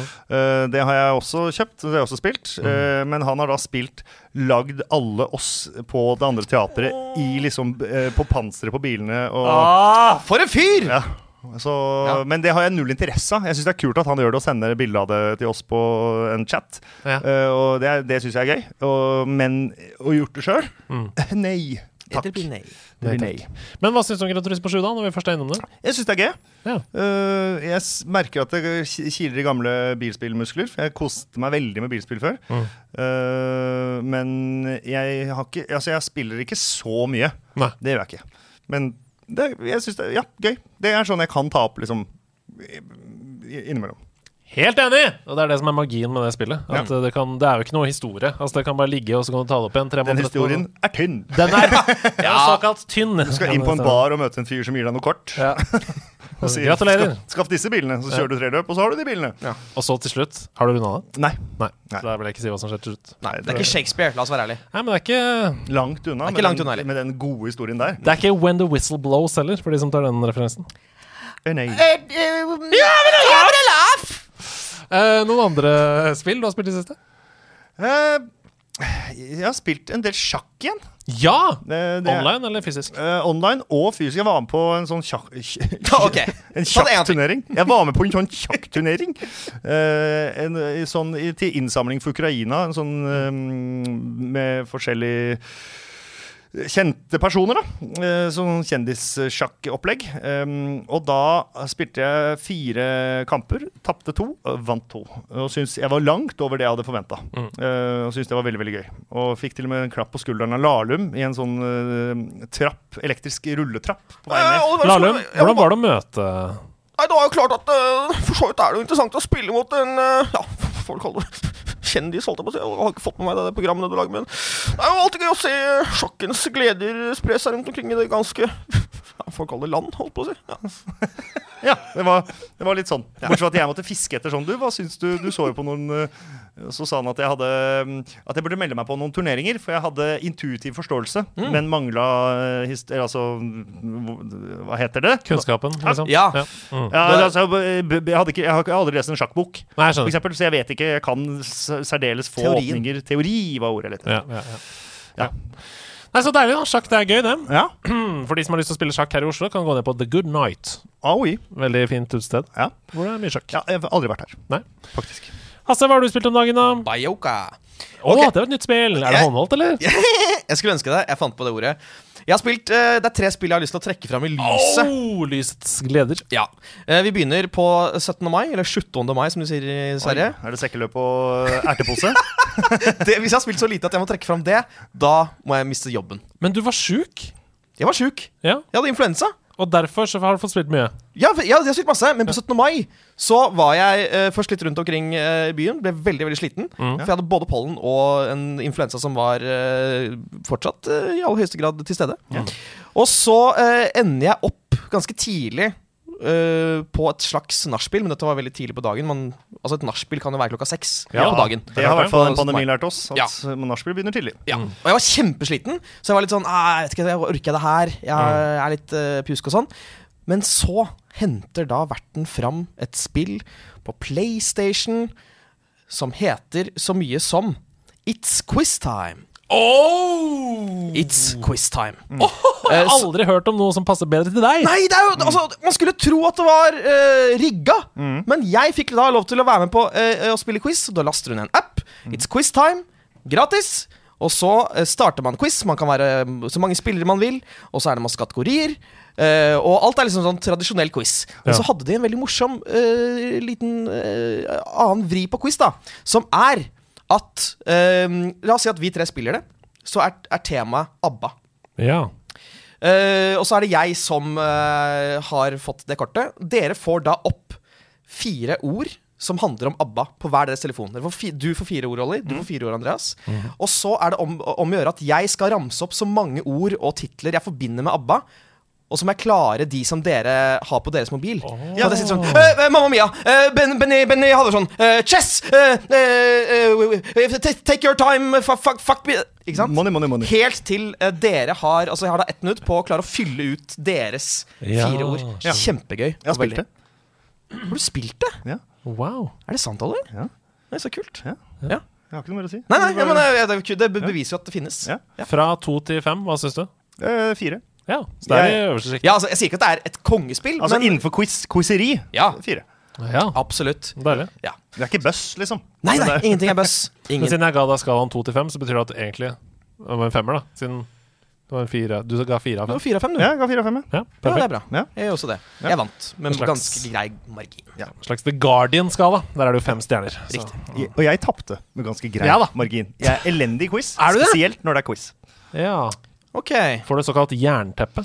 Ja, jeg, du merker jo bare nå når jeg har mist, jeg flere ganger jeg har sagt hva er det ordet igjen. Ja. Uh, så jeg, jeg mister ord som jeg har på tungespissen helt til jeg skal si det, og så er det borte. Jeg pleier ja. å si at du har teflonhjerne. Ja, det er det du pleier å si. Ja. Ja. Og det stemmer jo. Ja. Hva annet har du spilt? Det, an det annet jeg har spilt, er at jeg, jeg fikk besøk av en eh, nevø. Olø! Som da er en gutt som er mye yngre enn meg. Mm. Og så hadde jeg tenkt å Hvor ung? Eh, Vi skal til eh, 14. Ja. Ja. Ja. Og så hadde jeg tenkt å varte opp med eh, Mario Kart på som vi alle vet, Switch. Den nyeste konsollen til Nintendo. Eh, problemet var at Switchen min lå hos mine foreldre, så jeg måtte da prøve å varte opp noe som minnet på PlayStation. Og da ble det Crash Team Racing. For første gang i mitt liv. Aldri spilt det før. Aldri vært i nærheten av å spille det før. Ok, dine umiddelbare førsteinntrykk. Det skal sies at jeg gikk inn i den her og tenkte at dette kommer til å suge av mine boller. Førsteinntrykket OK! Nå snakker vi spill! Det var dritbra! Wow! Kjempeoverraskende. Uh, for jeg tenkte at dette var en cash grab fra PlayStation for å ha en konkurrent til uh, Mario Kart. Men det er gjennomarbeida. Det er uh, gode karakterer. Det er bra handling. Det er masse kule våpen og upgrades osv. Uh, og dritgøy. Ja, fordi dette er jo en reboot av det originale Crash Team Racing. Ja, som kom i 1999. Ja, og jeg, har, jeg spilte det masse med venner som var de kule som ikke hadde Det var liksom tre det var, Noen hadde Mario Kart, noen hadde um, Golden Eye? Nei, av, av de tre kartspillene. Nei, fire kartspillene. Så var det Mario Kart Uh, um, Diddy Kong Racing. Diddy Kong Racing. Ja, Det var liksom kule folk. Og så var det enda kulere folk. De hadde Crash Team Racing. Og de som var hadde fått eh, spill av faren sin til jul. De hadde Lego Racers. Ja. Ja. Og det syns jo jeg kanskje var et av de aller beste. Så Ja. Alle disse fire var bra på hver sin måte. Men, men jeg husker det at eh, Crash Team Racing, det var liksom Hey, PlayStation Ja, det var hipster-Mario Kart. Ja, ja, ja, det var det var hipster Mario Kart, Og det føler jeg fortsatt det er. Og altså, jeg, jeg sitter liksom med en oversikt her over karakterene, og det er jo Jeg har ikke spilt noe særlig Crash Bandicoot. Jeg kjenner ikke igjen noen av disse her. Så det, altså, det, er en, det er en hest, og det er en isbjørn, og det er liksom Du har ikke på en måte gjenkjennelsesfaktoren av Valuigi, Prinsessa Peachy, Luigi. Eh, det har du ikke. Men uh, det er fortsatt veldig gjennomarbeida. Anbefales om du ikke eier en Switch. Det tredje spillet på lista di, da? Din kose-Frans. Nå trodde jeg du skulle si noe skikkelig stygt om meg, og så sa du det uh, hyggelige der i stedet. Kukktryne. Oi! Ditt kukktryne. Oi! Det, det er siste gang du sier det til meg. Det er siste gang. Si det en gang til. Ditt kukktryne. Ja, ok, Jeg trodde ikke, jeg trodde ikke han skulle tørre. Men da veier det opp. Da er det MMA-fight. Ja, det, det er det faktisk. Det er det. Med Jeg vil være Eddie fra Tekken. Jeg vil være eh, han eh, Lu Lå. Lå, ja. Ja. Nei, Du vil ikke være Mitsubishi, eller hva han het? Han okay, som satte seg ned i lotusstilling og vugga med Yoshimitsu. Yoshimitsu. Ja. Vugga med stålsverdet sitt for å gå opp i energi. Samme det. Fortsett. Og fra vugge med stålsverdet så skal vi over til ditt tredje spill. Mitt tredje spill er et spill eh, jeg spilte da det kom ut, og som nå har kommet i ny drakt. Vi snakker Get ready for it. The Stanley Parable Deluxe Edition. Stanley Parable! Vet du noe om dette, Ollie? Ingenting. Perfekt. Da kan du være lytter. Uh, ta lytternes plass. Ja, takk. Fordi The Stanley Parable er et uh, spill som uh, ble sluppet av Valve rundt eh, 2012, kanskje? Eh, ja Var det Valve, altså? Jeg trodde det var et lite indie-greie, men det er mulig jeg tar helt feil. Ja, trodde jeg også. Jeg mente det var Valve. Ja, nei, jeg tror det er feil. Og det er bare bygget på, mot på, det er bare bygget på motoren. Helt riktig. Ja, ja, helt riktig. mm, Dette er Davy Redden og William Pugh Ja, i utgiveren Galactic Café, som er gitt ut. Ja, Um, Så det er jo flaut for meg. Nå fikk dere se en svak side der jeg sa feil spillselskap. Men sannheten er i hvert fall at jeg spilte The Standard Parable da det kom ut, og det er et kjempespill. Fordi dette Ok, Ollie, se for deg dette her. Du starter Spillet starter. Du sitter foran en datamaskin på et kontor, Mhm. og du hører en fortellerstemme som sier Stanley wasn't feeling very good. He was He wanted to find his coworkers. He walked out into the hallway. Så gjør du det. Ja. Og så går du videre. He was trying to find the meeting room. Og så går du videre. Kommer du til et møterom. Inside the meeting room, there was nothing to see. Og sånn fortsetter det. Du uh, har en fortellerstemme som hele tiden ligger oppå og sier hva du uh, skal gjøre. Og du kan velge å gjøre det den sier, eller du kan velge å ikke gjøre det den sier. Forhold deg fast. Hvis du å, våkner i dette rommet som Hasse snakker om nå Stanley went into the hallway. Og så gjør du ikke det. Du blir sittende i stolen din. Stanley had a particularly bad day this day. Og så fortsetter han å fortelle om det som skjer den dagen. Og så er det en milliard butterfly-effekt-måter du kan gå inn og ut av dette på. Så Ja. valgene dine får konsekvenser. Du kan spille det samme spillet 70 ganger og få helt forskjellig eh, Ja. spill. Gøy. Det er kjempegøy. Gøy. Ja. Og, og sånn er liksom spillet. Og altså, som du sier, det er veldig veldig mange måter å komme med mål på. Og på en måte Du runder spillet hvert femte minutt. Altså det, og så begynner du på nytt igjen, og så finner du en annen vei å gå. Uh, om, Skal, skal du drepe folk? Nei! Eller skal du bare gå? Kanskje! Kanskje. Du eller kan, kanskje! kan du drepe folk? Kanskje! Kanskje. Det, er, det føles som en sandbox også, fordi alt du får vite, det er at du heter Stanley, og dette er et kontor. Og Ja. derfra så kan alt skje. Alt skje. Alt Tar skje. du med deg informasjon Når du har runda det én gang, da har vi informasjonen, men har, tar du med deg noe skillset til neste runde? Kanskje. Hvorfor svarer du kanskje Fordi på jeg vil at du skal oppleve dette. Det er, eh, det er nesten ingen spill som dette spillet. Nei. Si hva det het. The Stanley Parable Deluxe Edition. Og det som er greia her, er at nå har det kommet da denne nye utgaven der du har en nytt innhold. Så plutselig så eh, er det en dør som ikke var der for eh, ti år siden. Og da er det masse nytt innhold, og det er det er, det er mindfucks. Det er veldig masse mindfucks. Det er eksistensialistisk. Det får deg til å tenke på eh, livet generelt, og det får deg til å tenke på hvordan dataspill er laget. Det får deg til å tenke på hvordan narrativ er laget. Det er bare Det er helt unikt, og det er helt fantastisk. Og det som er så gøy med det, er at du tenker ofte sånn Det går sikkert ikke an å gjøre. Jo da, det gjør det. Ja. Det aller meste går an å gjøre. Altså, du kan det, det føles som de har skrevet en historie for alle mulige utfall. Altså, dersom du løfter opp en kopp og kaster bort eh, et hjørne, så sier de eh, Den koppen hører vel ikke hjemme i det hjørnet der, Stanley. Altså, det, det føles veldig som om de følger med på deg mens du spiller, hele tiden. Ja. Uh, Fins det i VR? Det høres ut som det kunne funka i VR. Det må! Hvis ikke det gjør det, så skjønner jeg ikke hva det spillselskapet som ikke heter Valve, uh, tenker på. Jeg tror det fins i VR. Uh, akkurat som Super Hot. The Super. Stanley Parable Ultra Deluxe. Ultra Deluxe Edition. Ja. Ja. Det, det jobbes med en VR-mod, men det er ikke ute ennå. Ja, ja, men det er kult. Nei, så det er, det er bare øh, altså, Grunnen til at vi sier kanskje hele tiden, er øh, fordi jeg vil at du og lyttere skal kunne oppleve dette her akkurat sånn som jeg opplevde det øh, i sin tid. um, og så er det bare det at i, i og med at fortellerstemmen er så viktig her, så det er ikke sånn at det skader at det tilfeldigvis er den beste fortellerstemmen noensinne. Altså, det er, det er den deiligste, mykeste, varmeste, mørkeste britiske fortellerstemmen som fins. Det er bare helt Mwah! Beklager at jeg bare forsvant litt ned. Jeg tok bare meg litt tid til å kjøpe spillet. Det er stort! Nå fikk dere være med på at Ollie kjøpte et spill! Yes, Da kan jeg laste ned til konsoll. Ja, jeg gjør det. Så kan jeg begynne å spille det ikke i kveld, for jeg skal videre etterpå, men Ja. eh, i morgen den døg. Å, du kommer til å kose deg så mye! Ja, det gjør det. Åh, det, gjør det. Husk å sette av en time eller to, fordi det er deilig å bare bade i det. Ja. Nei, jeg liker helst å spille en sånn 20 minutter, jeg, vet du. ja, ok. Så Ja, det skal jeg absolutt gjøre. Ja, gjør det, dere som lytter også. Kom igjen, da. Og, og, og bare så det er sagt, eh, jeg har spilt Jeg spilte dette spillet til døde da det kom, men jeg følte likevel det var veldig deilig, deilig å, å møte og spille det igjen. Men også det nye greiene er gjør det verdt det. Så Nye greier som i oppdateringer. Ja, som i deluxe-versjonen har jo da oh, masse ja, ja, ja, ekstra ting. Sånn, ja, selvfølgelig. Ja. Ja. Så det var min lille fortelling. Så jeg burde ikke ha lasta ned originalversjonen før Deluxe?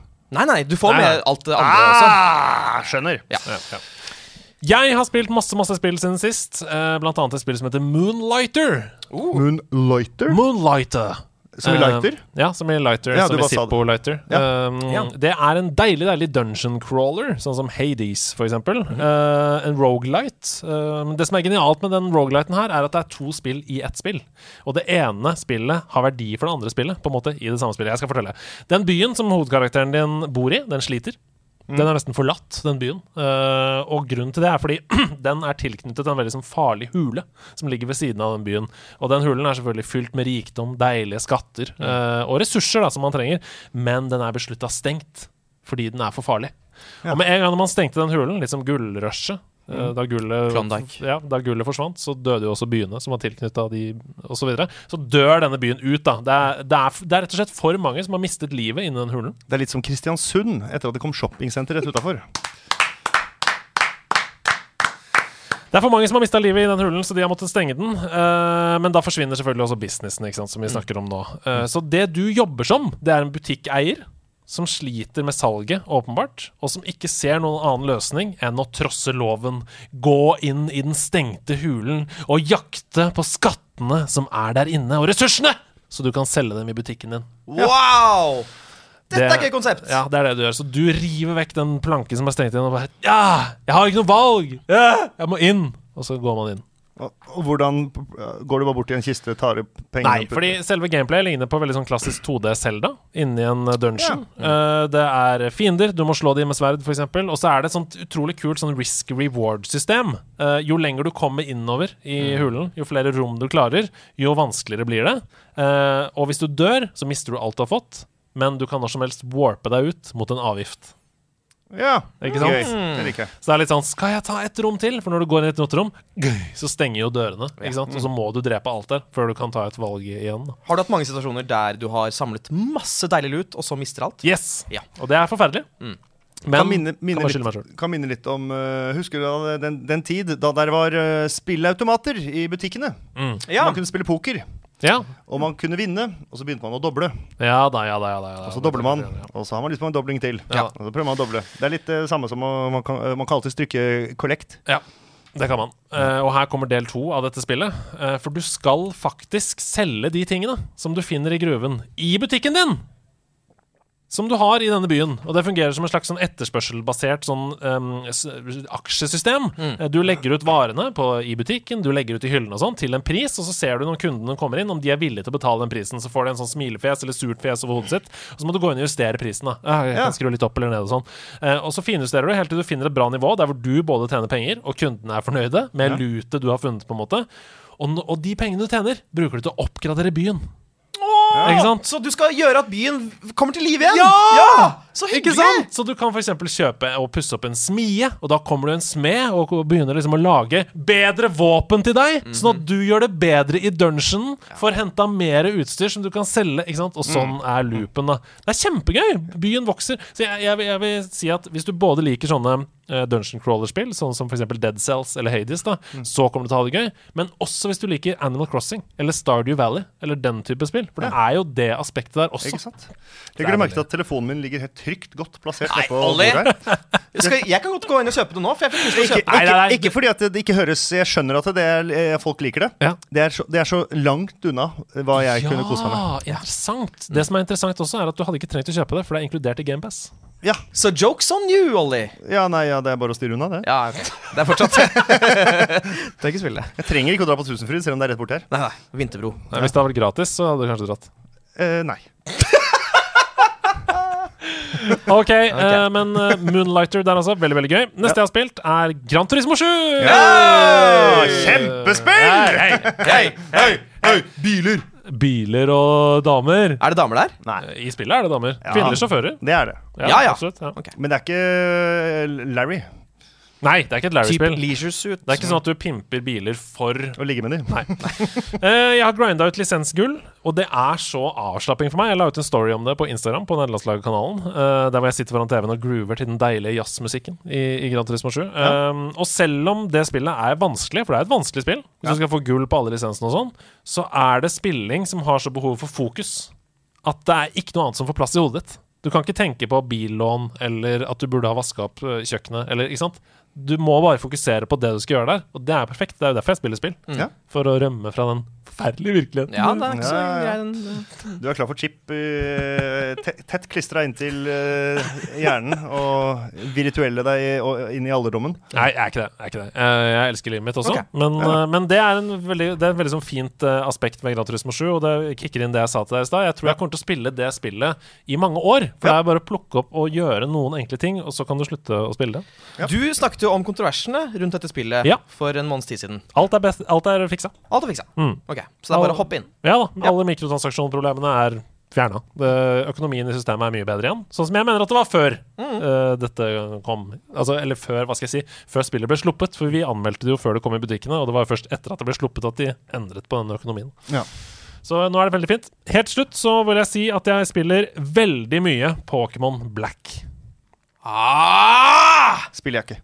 Pokémon Black Fortell det, meg alt. det er et eh, Det kom i 2011, tror jeg. Mm. Så det er et 11 år gammelt spill ish. Og jeg skulle ønske at alle Pokémon-spill var som Pokémon Black. Fordi det er så mye vanskeligere enn noe annet Pokémon-spill jeg har spilt noen gang. Okay. Og det elsker jeg jo. Hva er vanskelig? Hvor, ja. Nei, Samme grunn som at du elsker Elden Ring, Ja. eh, så er det noe av den følelsen du får når du klarer en ting. Sånn er det i Pokémon Black. Eh, De nyeste spillene, Brilliant Diamond, Shining Pearl, um, til en viss grad Legends Arcus, og ikke minst Sword and Shield, har jo bare vært å liksom Du bare går gjennom.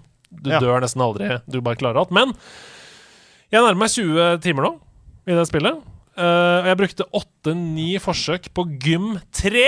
Altså den tredje bossen i spillet brukte jeg 8-9 forsøk på. Ja. Det uh, er vanskelig. Hvorfor har du venta så lenge med å spille akkurat dette spillet? Fordi jeg har hatt en lang pause i mitt Pokémon-liv. Eh, jeg elska Pokémon da jeg var yngre, og så har det vært et opphold, og så har jeg funnet tilbake til gnisten de siste årene, og nå går jeg jo tilbake i tid og spiller meg. For jeg har aldri hatt Pokémon. eh, Pokémon er akkurat som det ikke fins. Jeg vet hvem Pikachu er. Mm. de, de, og de der ballene du hiver. Ja. That's på en måte it. Da kan jeg si kjapt at det er et turn-based spill, Ja. der hvor du uh, jobber med karakterene dine. De går opp i level, får kulere moves, og så bruker du de til å kjempe for deg i Ja. et turn-based annenhver gang. ja. Mot andre karakterer. Gøy.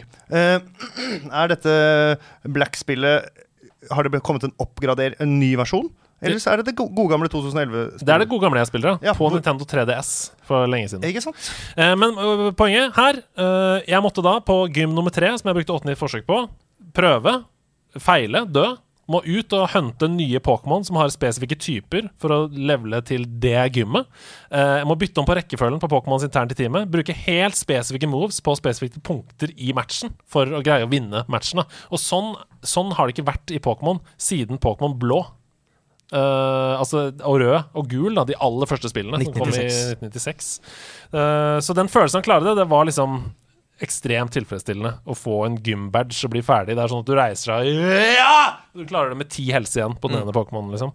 Um, så det, var, det er veldig gøy. Man må liksom i mye større grad enn de nye spillene uh, kunne utenat hvilke typer alle Pokémons er, bare ved å lese navnet. Eh, Fordi det er helt avgjørende å bytte til riktig type i en battle. For eksempel, da, så det er han du kjemper mot, han sier sånn eh, Han skal bruke en Typhlosion. Vil du bytte din Pokémon? Og da er det sånn Jeg må vite om Typhlosion er en flamme-Pokémon, en vann-Pokémon, en gress-Pokémon, fordi jeg må bytte til det som counter-run, hvis ikke så taper jeg. Det er jo sånn det burde vært! Ja! Det er jo sånn, det er jo det hele konseptet Pokémon er. Ja, ja, Ut ifra alt jeg hører, jeg er helt enig. Mobilen din ligger veldig stille nå, Olli. Hva som skjer? Ja, Pokémon øh, er ikke Eller jo, kan godt hende at jeg hadde digga det, men Ja. jeg, føler jeg, må liksom, jeg føler jeg må begynne på gru, barneskolen, liksom. Ja. Øh, jeg, er så, jeg har på en måte gitt opp.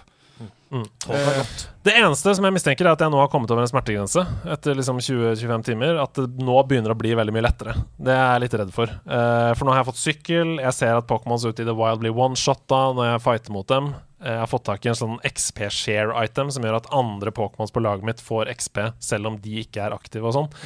Nå, nå lurer jeg på om jeg er liksom på vei over den at nå Ja. blir det walk in the park resten. Så jeg er litt bekymra for det. da ja, det har jeg ikke noe Jeg tipper det blir sånn, jeg. Jeg, Ja. tipper, jeg tipper at det, Jeg tipper det blir sånn. jeg tipper du blir ferdig med det. Vi elsker å snakke om spill, og da går tida fort, så vi må videre, vi!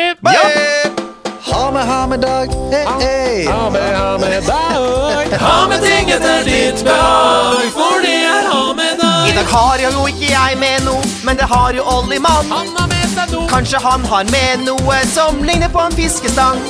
For Olli er en nydelig mann. Han har skjegg og han har caps, men han har kanskje med en laks. For det er det han har i dag. Han er en mann som har en laks. Han er en mann som har en hatt. Vi har jo nevnt det før, men jeg får jo helt natt. For Olli kjørte taxi, han, i romskip opp i verdensrom. Har han tatt med seg noe som er smart eller dum? For det er Ha med deg. Hei, kjære spiller på nerdelandslaget. Hei, hei. Det er jo en glede for oss å fortelle dere at vi har inngått et samarbeid med selveste Visa. Hæ? Visa har jo på en måte alltid vært der. Det er jo noe vi forholder oss til og bruker hver eneste dag. Ja, altså Det har jo fulgt oss hele livet, og jeg husker veldig godt hvor stas det var da jeg fikk mitt aller første visakort. Det var både stort og viktig. Foreldrene våre de var opptatt av å lære oss til å være forsiktige, behandle det på en ordentlig måte. Det var en trygghet på en måte å betale med Visa. Men det er veldig mye som har forandret seg siden den gangen, spesielt siden netthandel har fått en enorm oppblomstring, med mange flere ulike måter å betale på. Og det som er interessant, det er jo at statistikk viser oss at Gen Z de har tre ganger så stor sannsynlighet til å bli utsatt for økonomisk svindel online enn oss som er boomers. Hæ? Er ikke det overraskende? Altså, Det er jo det som gjør at det er veldig viktig at vi kommer tilbake til den der safe shopping mode-følelsen som Visa gir. Fordi altså Uansett om du bruker Visa til å betale eh, på nett, eller på mobilen, eller i butikken, eller på ferie i utlandet osv., så, videre, så gir jo Visa deg eh, beskyttelse og sikkerhet. Det er helt riktig. Visa de overvåker, de oppdager svindel veldig tidlig, fordi de hele tiden er ganske langt framme i skoen med verktøy og teknologi som spiller på lag med oss, og det er trygt og fint. Ja, har, altså, har, har, du eksempel, har du et eksempel på en gang du har opplevd noe utrygt med eh, netthandel? Ja, det tror jeg egentlig nesten alle har. Det er litt vanskelig å unngå i 2024. Det er derfor det er så fint å vite da, at man er trygg med Visa. Jeg har handla på nett fra hele verden. Oh la la! Å, se på han, han handler på hele internett. Og kortinformasjonen min ble lika fra en internasjonal nettside i 2019. Oi. Jeg hadde kjøpt noen sånne retro fotballdrakter. Eh, og i tiden etter det så begynte sånne små beløp å bli trukket fra kontoen min. Selvfølgelig da, for at jeg ikke skulle tenke over det. Så ja. 19 kroner her og 39 kroner der og sånn. Men fordi jeg hadde betalt med Visa den gangen, så var det null problem å få ordnet opp i det med banken. Jeg fikk tilbake alle pengene, kortet ble sletta, og jeg fikk nytt kort. Og Visa vil jo da veldig gjerne informere dere, altså spillerne på laget, at de oppfordrer til å bruke Visa via mobilbetaling ved fysisk handel eh, i butikk. Og hvis du har mulighet til å da eh, legge inn kortet på telefonen din. Og når det kommer til online-betalinger, så anbefaler de å bruke Visa-kortet som normalt. Altså bare legge inn informasjon.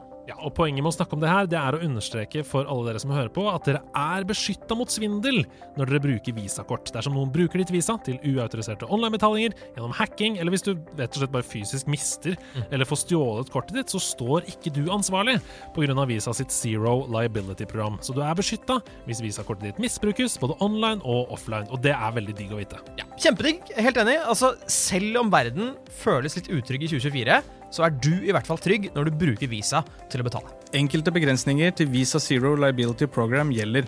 Les mer på visa.no, eller kontakt din bank for å lære mer om hvilke vilkår som gjelder for din avtale. Nå har vi improvisert foran en im- im- improvisatør. Ja, eh, og det gjorde dere med bravur. Det er bra. Ja. Eh, hva har du tatt med deg på å ha med deg? Jeg har tatt med en pose. Ja, Yes, ass. Jeg elsker poser. Poser er de beste poser er gjestene. de beste. Og jeg har et eh, Jeg har Jeg bare- kan bare ta det opp. Jeg skal bare un, unboxe holdt jeg på å si. Det er ikke det jeg skal Ja, unbox unbox Nei, jeg it! skal ikke unboxe men det, det er ikke noe gøy når ledningen er rundt. Nei, det er ikke noe gøy. Det er sant. digitalt. Ja, Eh, og det er altså Oh! PlayStation eh, 1, holdt jeg på å si. Kontro kontroll. Dette er altså den første DualShock-kontrollen vi sitter og ser på her nå. En Ja. Play- det er, det PlayStation 2 eller 1? Det er, jeg, jeg mener den gikk til begge. Jeg husker ikke hvilken eh, For jeg har den nå. Ja, fordi den du holder i høyre hånd nå, det er den uten analogsticks. Ja. Den til venstre har med analogsticks. analogsticks. Jeg, hus jeg husker jeg kjøpte den her, Uh, og var så ekstremt fornøyd og stolt og glad over å ha den. um, og så spilte jeg uh, Jo, det er PlayStation 2. Eh, så spilte jeg dette spillet her, som jeg også har tatt med. Oh, Nei, har du mer? Ja, ja. Til de som ikke ser nå, dette, um, på, på den tiden disse kom, så var det veldig populært med sånn gjennomsiktig plast, så man kunne se det som var inni. Jeg hadde, Ja. Min første Gameboy hadde sånn gjennomsiktig lilla ah, ish. Uh, og det er jo også denne uh, kontrollen da, Ja. som Eh, holder på. og så kan du se du kan se alt, og så i hvert fall, for den hadde jo da vibratoreffekten i seg. Mhm. Eh, og du kunne se den gå opp og ned, opp og ned, opp og ned. Ok. Eh, og den, eh, det var jo helt rått at eh, den gjorde det. Blunk, Uh, men jeg spilte da dette spillet her, Uh, Mm. PlayStation Medieval. Medieval! Ja, Det har vi snakka om før. ja uh, Som nå er kommet på nytt eh, i oppgradert versjon. Ja. Eh, og jeg spilte det altså så mye.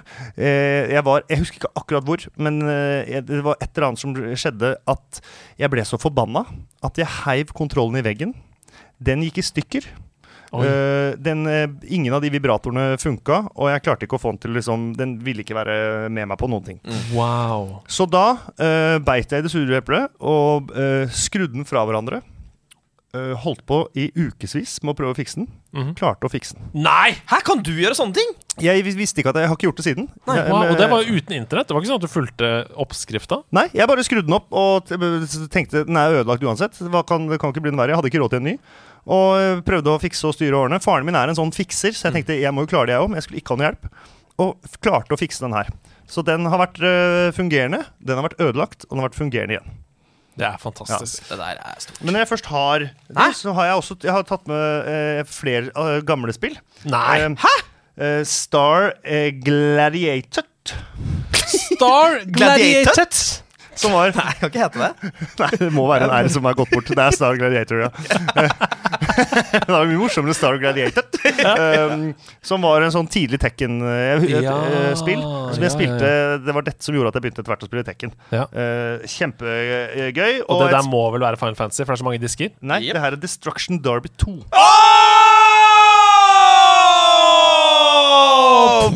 Ja. Og som alle spill som har CD-er i seg, når du åpner den, hva finner du da? Jo, Fifa 2001. Dette er så flashback! Jeg elsker det. Og på den andre, Porsche Challenge. Jeg spilte, spilte masse. Og så har jeg jo selvfølgelig med også Fifa 2001. Ja. Og da eh, Right about now. Og der ligger. Formula 1 2001. Ja! Det er Så- en deilig det, tid ned Memory Road, dette her. Jeg blir Ah. veldig veldig glad for å se denne med ha-med-dagen. Um, du, vi må ta bilde av alt før du går, for de er helt fantastiske, de spillene her. Ja. Og ikke minst den gjennomsiktige kontrollen. Tusen takk for en flitt, fin ha-med-dag. Eh, Bare hyggelig.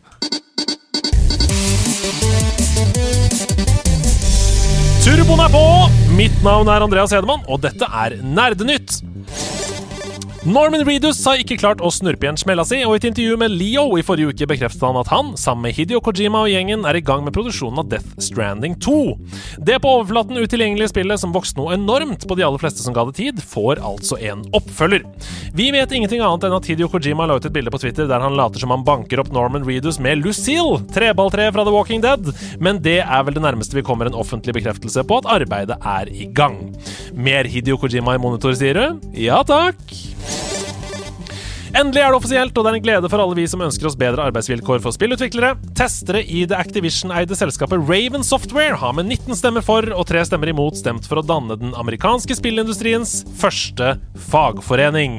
Det skriver journalist Jason Schreier på Twitter. Det neste skrittet nå er å forhandle frem en kontrakt med Activision for de ansatte. Basert på reaksjoner fra Activision på tidligere forsøk på å lage fagforeninger, så blir det verken en enkel eller en rask prosess. Ledelsen har nemlig tidligere rådet ansatte mot å stemme for alle forsøk på å danne fagforeninger, og har sagt Having a union at Raven could fundamentally alter the way Raven works in ways that can have a significant negative impact for the studio and for individual Raven employees. Activision truer også med å la kontraktsprosessen ta mange år å lande uten garanti for høyere lønn eller bedre vilkår, og dette er jo nøyaktig de samme argumentene som norske arbeidere møtte på 60- og 70-tallet, så vi sender all støtte og heiarop til de modige ansatte i Raven. En ny runde med norske spill i utvikling er tildelt midler fra NFI, og denne gangen så har Magnus, Kaja og gjengen smelt 10,5 millioner i bordet til ni spill fra studioer i den norske spillbransjen. Det skriver pressfire.no. Til sammen så skal 54 millioner deles ut i utvikling, lansering og formidling av spill i år, og nå er altså den første femtedelen av disse pengene på bordet. Alle de ni spillene kan du sjekke ut inne på pressfire.no, og basert på de små pitchene og bildene der inne, så kan det bli strålende år for den norske spillbransjen i årene som kommer. Men ukas hovedsak det er en enorm gladnyhet med en litt bitter ettersmaksdiskusjon som lusker under overflaten, som jeg har lyst til å diskutere med dere. For denne uka her så ble det dobbelt norsk i to av verdens største e-sportsturneringer. Det var major i CSGO i Antwerpen og major i Dota 2 i Stockholm. I CSGO så vinner altså Håvard Rain Nygaard både turneringen sammen med Face sitt lag, og MVP-prisen for beste spiller i finalen. Håvard, altså! Ja! Håvard. Håvard. I Dota 2, eh, og det var Navi de slo I Dota 2 så vinner Tommy Taiga Le eh, da OG slo TSM 3-1. Ja. Og dette her er jo for det første enorme prestasjoner under helt umenneskelig press i spill der hvor millioner konkurrerer. Og derfor så løfter jeg et korktavlespørsmål inn i diskusjonen denne uka her. Det er innsendt av Cappy. Hei til deg, Cappy. Morgen. Hei, jeg lurte på om dere har noen tanker rundt dekningen av e-sport i norske medier. I går så vant Taiga som første nordmann en major i Dota 2, og Rain som første nordmann det gjeveste innen CSGO. Men jeg kan ikke finne noen artikler om dette, verken på NRK eller TV 2, og kun en liten artikkel om Rain på VG. Hvorfor er det slik, tror dere? Fortjener ikke begge disse prestasjonene en forside og dekning på TV? Altså, et million tusen prosent uh, fortjener de det. Uh, og det Jeg, jeg, jeg, har- undret meg over dette så lenge sjøl.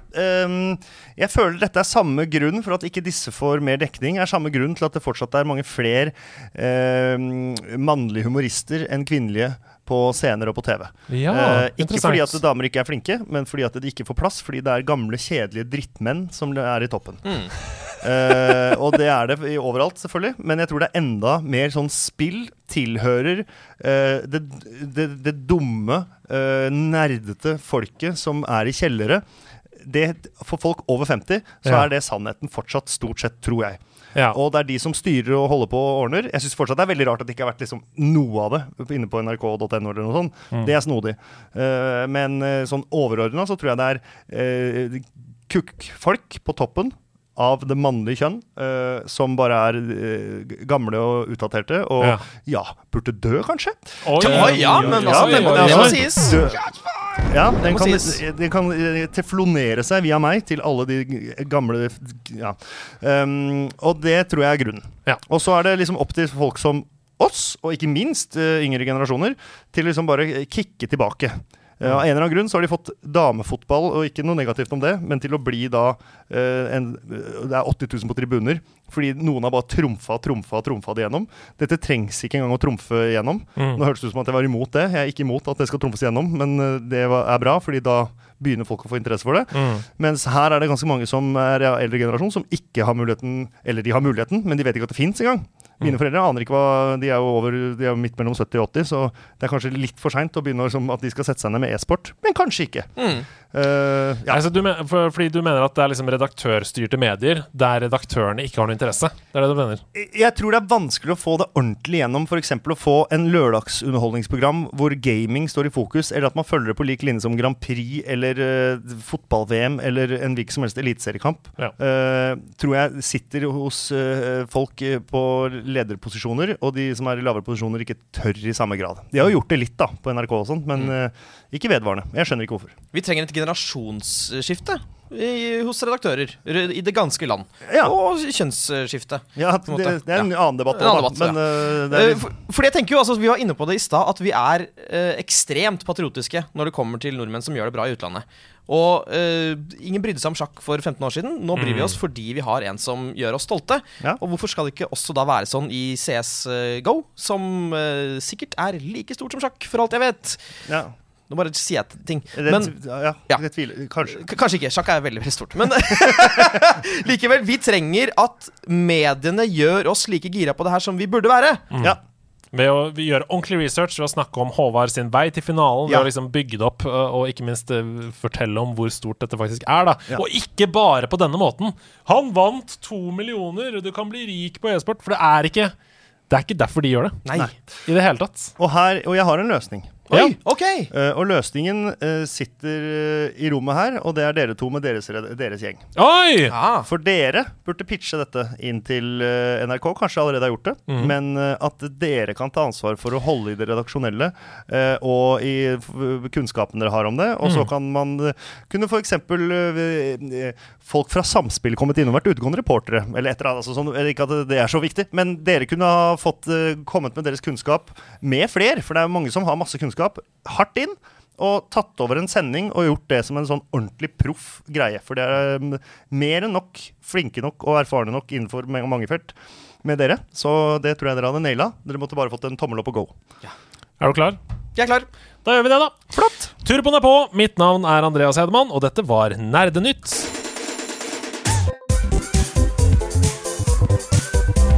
Karakterkortet. Og dette er en spalte etter Olli Wermskog sitt hjerte, for nå skal vi nesten til noe som ligner på mitt spill! Nei, vi skal ikke det, men Det er en snever referanse. Ja, snever som- Du, i karakterkortet så er det sånn at vi hver uke bytter på å gå dypt inn i en spillkarakter. Som en slags method actor i yeah. løpet av uka. Og så blir vi intervjuet i, i, i karakteren Ja. eh, i løpet av ett minutt av de andre som sitter i studio. Og så skal da vi gi en karakter til den fremførelsen på slutten. Åh, to Så- forskjellige bruk av ordet karakter. Nettopp! Så i karakterkortet så er det både en spillkarakter og en karakter som gis da fra oss. Og det er Hasse som er en karakter denne uka her. Han har forberedt en, en karakter fra spilluniverset. Og han skal først avsløre nå hvem det er han har valgt. Ja. Er dere klare for å høre hva, jeg har valgt? ja. Duke Nukem. Oi! Oi! Oi! det er derfor du har på deg Singlet og hans velkjente røde kravatt, eller okay. bånd. Har du lyst til å intervjue Duke Nukem eller Improkongen? Ja. eh, her er det bare at jeg skal spørre om hva det måtte være. Ja. Og Ja. så svarer han, og så er det et intervju som varer i et minutt. Ja. Godt. Så da begynner vi, da. Ja. Vær så god. Hva liker du å bli kalt? You gotta ask the question in English, Ah, or I'm gonna uh, fuck your ass up.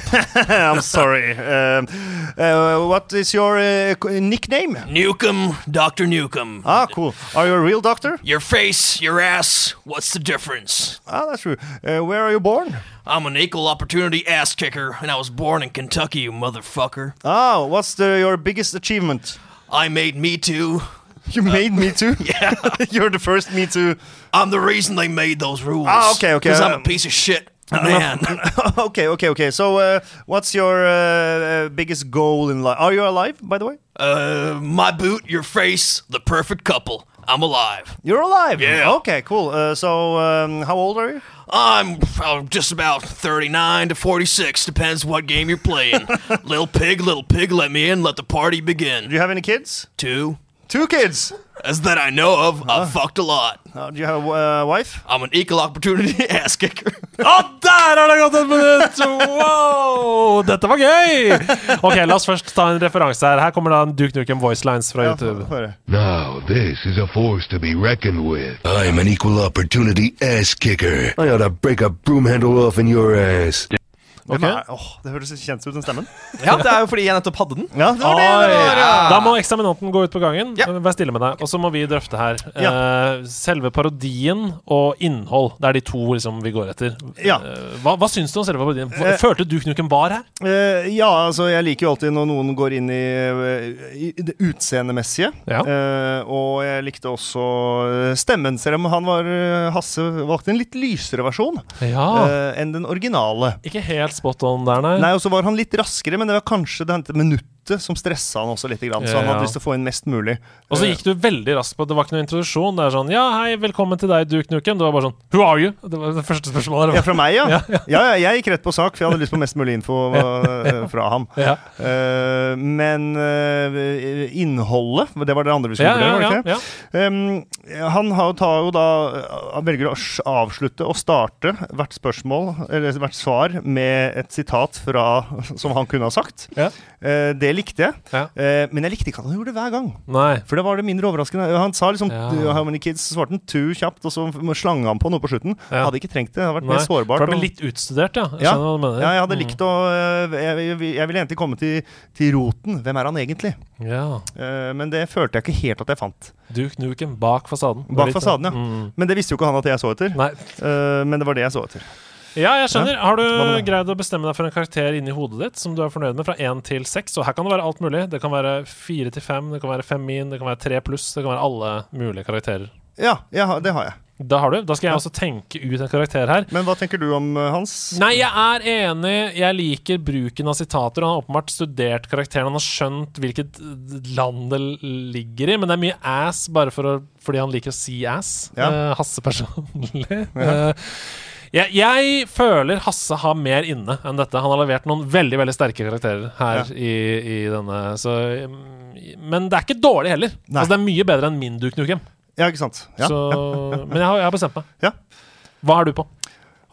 Nei, vi, jeg, har, jeg har jo veldig lyst fordi eh, Ja, det blir jo en direkte hevnaksjon Ja. eh, fra den podkasten som han og jeg da hadde som ble kansellert fra Podimo, eh, som var krimfavoritter, Mm. eh, hvor han utelukkende ga de tingene jeg kom med, dårlig karakter. For vi Ja, pleide ok. å analysere de på slutten. Ja. Så jeg gir dette én pluss. Oi! Én pluss! Ja. Ja, det er veldig, veldig hardt. Hvis det ikke skulle vært hevnaksjon, Ja. så hadde det ikke vært noe særlig mer enn tre pluss. ok, uh, jeg, har, jeg har bestemt meg for en fire pluss. Ja. En fire pluss. Men vi skal slå sammen én pluss og fire pluss. Så da blir det seks, da. Nei, da er det to pluss, da. Er det ikke det gjennomsnittet? Tre min, kanskje? Å ja, sånn, ja. Eh, Snittet, hvis Ja, du slår slå de sammen. Nei, ikke sant. Snitt, ja. Ja. Tre min, eller? Skal vi, er du fornøyd med det? Eller to Nei, det er pluss? to pluss, ja. Det er det dårligste hittil! Ja. Hasse ender på en to pluss på Duke Nukem, og det drar jo hans snitt betraktelig ned. Men, men han leder hele denne konkurransen. Dere kan gå inn og gå på nerdelandslaget.com og se hvordan det ligger an. Uh, det du gjorde nå, Olli, Ja. det vil gjøre det mer spennende inn mot slutten av denne sesongen. Takk, Olli. Takk, Så det er veldig bra. Vi skal videre!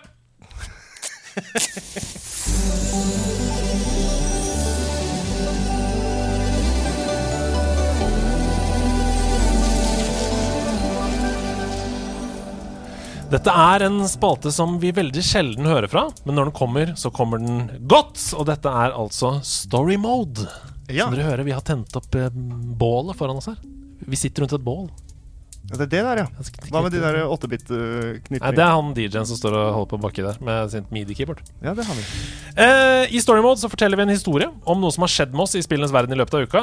Hvis det var liksom ett spesielt øyeblikk som sto ut Du har fortalt om da du ble mesteren i Fortnite foran din eh, nevøer, som kalte deg kongen av Fortnite. Um, og jeg har fortalt om uh, et nydelig øyeblikk da jeg glitcha meg gjennom en dør i Skyrim.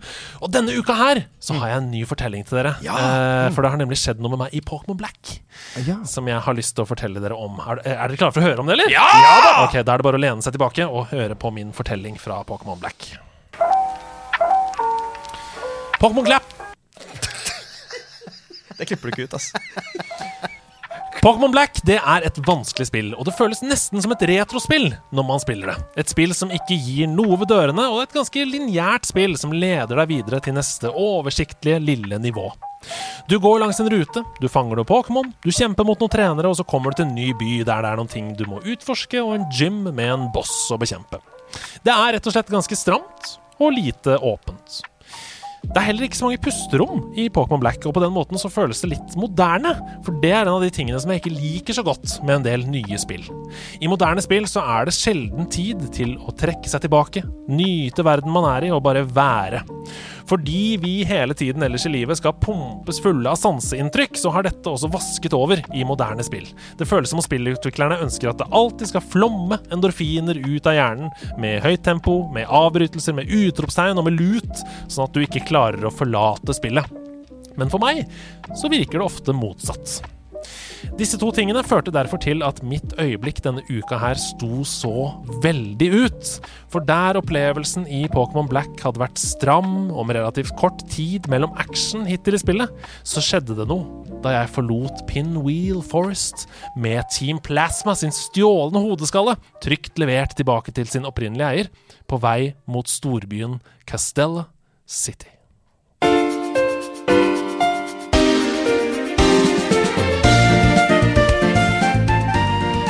Plutselig så gikk spillet fra å være et isometrisk top down-spill, sånn som GTA2, til å putte kamera bak meg. Jeg gikk ut en stor, åpen dør og så konturen av en bro mer massiv enn Brooklyn Bridge i det fjerne.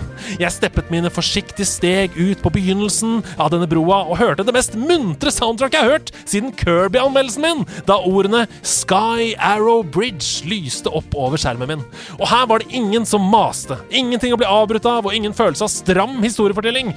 Jeg var på eventyr! Broen strakk seg den lange, lange veien over havet mot Castellia City, og jeg var fullstendig fri. Under meg så passerte cruiseskip, og på hver side så kunne jeg formelig lukte den frie, salte sjøluften. Jeg fikk gåsehud på ekte. Det var som om jeg fikk lov til å være med på det enorme generasjonsskiftet fra Gameboy til Nintendo DS en gang til. Og i motsetning til moderne spill, så varte dette øyeblikket helt utrolig uforholdsmessig lenge. I mitt hode så nøt jeg den nydelige løpeturen over Sky Arrow Bridge i flere minutter. Jeg fikk virkelig kjenne på følelsen av hvor massiv denne broa er, og at jeg nå virkelig var på vei inn i neste steg av Pokémon-reisen. Så etter ti timer med Pokémon Black så bestemte spillet seg for å trykke på alle de riktige knappene samtidig og si til meg Nå, min venn, nå begynner eventyret for alvor. Alt er mulig for deg nå. Gå ut og bli den beste Pokémon-treneren du kan bli! Og det skal jeg søren meg bli, for nå er det ingen vei tilbake. Jeg er helt utrolig hekta på Pokémon Black, og det er i stor grunn på grunn av Sky Arrow Bridge.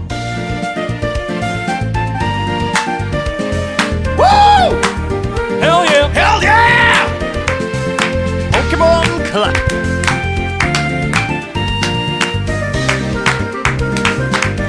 Takk for meg, og takk til dere som klappet i takt sånn som jeg ville at dere skulle. Ja. Eh, hva syns dere? Jeg, altså, Nei, jeg, altså, du, st- det var en perfekt sirkel. Ettersom du forsnakka deg og sa Pokémon Clap, og det er der vi ender, så er det jo Det kunne ikke vært bedre. Eh, nei, jeg, jeg koste meg maks. jeg koser meg maks. Og jeg, som deg, Olli, har, eh, har aldri spilt eh, et Pokémon-spill. Eh, men jeg klarte å få varme følelser for det. Jeg òg. Ja. Det eneste jeg savna, var jeg skulle gjerne ha likt og hørt den der bålknitringa samtidig i bakgrunnen der, eller avslutta der. Ja. Så Da tar vi det med oss inn i redaksjonen, og så driter vi fullstendig i det på neste redaksjonsmøte.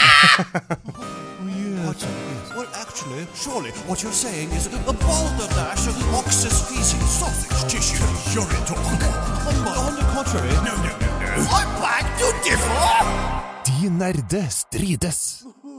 Oh yes, I De nerde strides så har du forberedt en kontroversiell mening som du skal smelle i bordet her, Olli. Ja. Eh, og som vi skal diskutere, da. Hva er det du har kokt i hop eh, denne uka her? Åh, det er at jeg syns ikke noe om at kvinner spiller Nei, jeg bare kødder.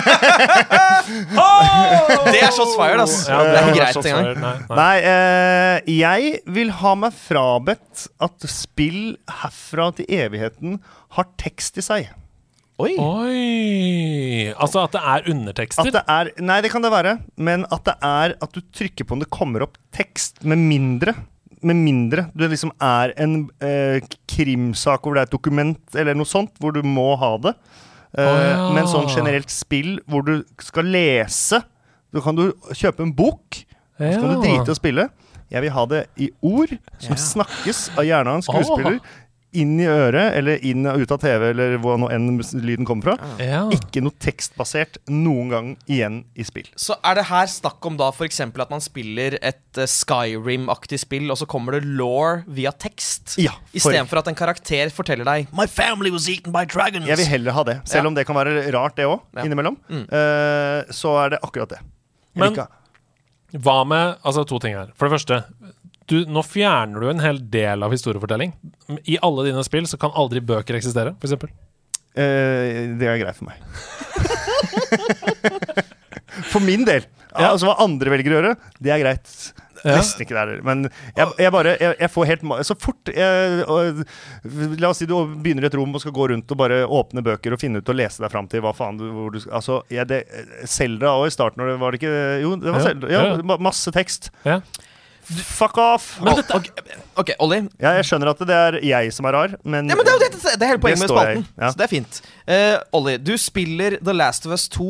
Du går inn i en mørk kjeller. På en vegg så står det en lapp med en kniv gjennom, Det er der det står fire setninger. I, um, this is the last thing I'm ever gonna write to Ja. you. I'm gonna be eaten by zombies. Ja, det er noe annet. Det er noe annet. Det er Det noe er noe annet! Ja, for det er, ba- det er for det første kort. Det er lengden det handler om. Ja, litt. Eh, og det er en helt sånn tydelig sånn eh, en, Det er en beskjed til deg, på en måte. Mer Ja. enn mm, at du må gå og l- lese deg gjennom helvetes mye greier og mye piss og tull. Ok. Mener jeg. Men da spør jeg deg, um, fordi jeg føler veldig ofte at eh, Jeg syns heller ikke nødvendigvis det er kjempegøy med masse masse tekst, men altså um, Handler dette om Fordi jeg, veldig ofte i sånne spill så er ikke dette ting du må lese. Altså Lauren skal bare gi deg en rikere opplevelse, så du kan Ja, ja, ja. bare hoppe over det. Ja. Eh, Det kan man gjøre, men jeg vil ikke at det skal være der. For jeg har ikke lyst til å komme i samtale med f.eks. sånn som en av dere, som kan da berike dette universet med alt mulig som jeg har gått glipp av, fordi jeg ikke har giddet å lese og ikke vil lese. Så jeg Hva- føler meg dum i det, og det aksepterer jeg, men jeg syns ikke noe om det. Hva med spill som Disco Elysium, f.eks.? Det er et RPG der hvor det er helt en ekstreme mengder med tekst. Men all teksten er også voice. Altså, teksten kommer på skjermen, men det leses opp samtidig. Altså, det er en rollefigur, for eksempel, Ja. som sier det, eller du sier det inni hodet ditt. Ja. Ah, hva- Hva? Nei, altså sånn som det spillet jeg allerede har kjøpt, da, for eksempel. For, uh, der, der er det jo en fortellerstemme som Ja, snakker. det er Uh, Deluxe er det eneste jeg husker fra The tittelen. Stanley, Stanley Parable. Parable.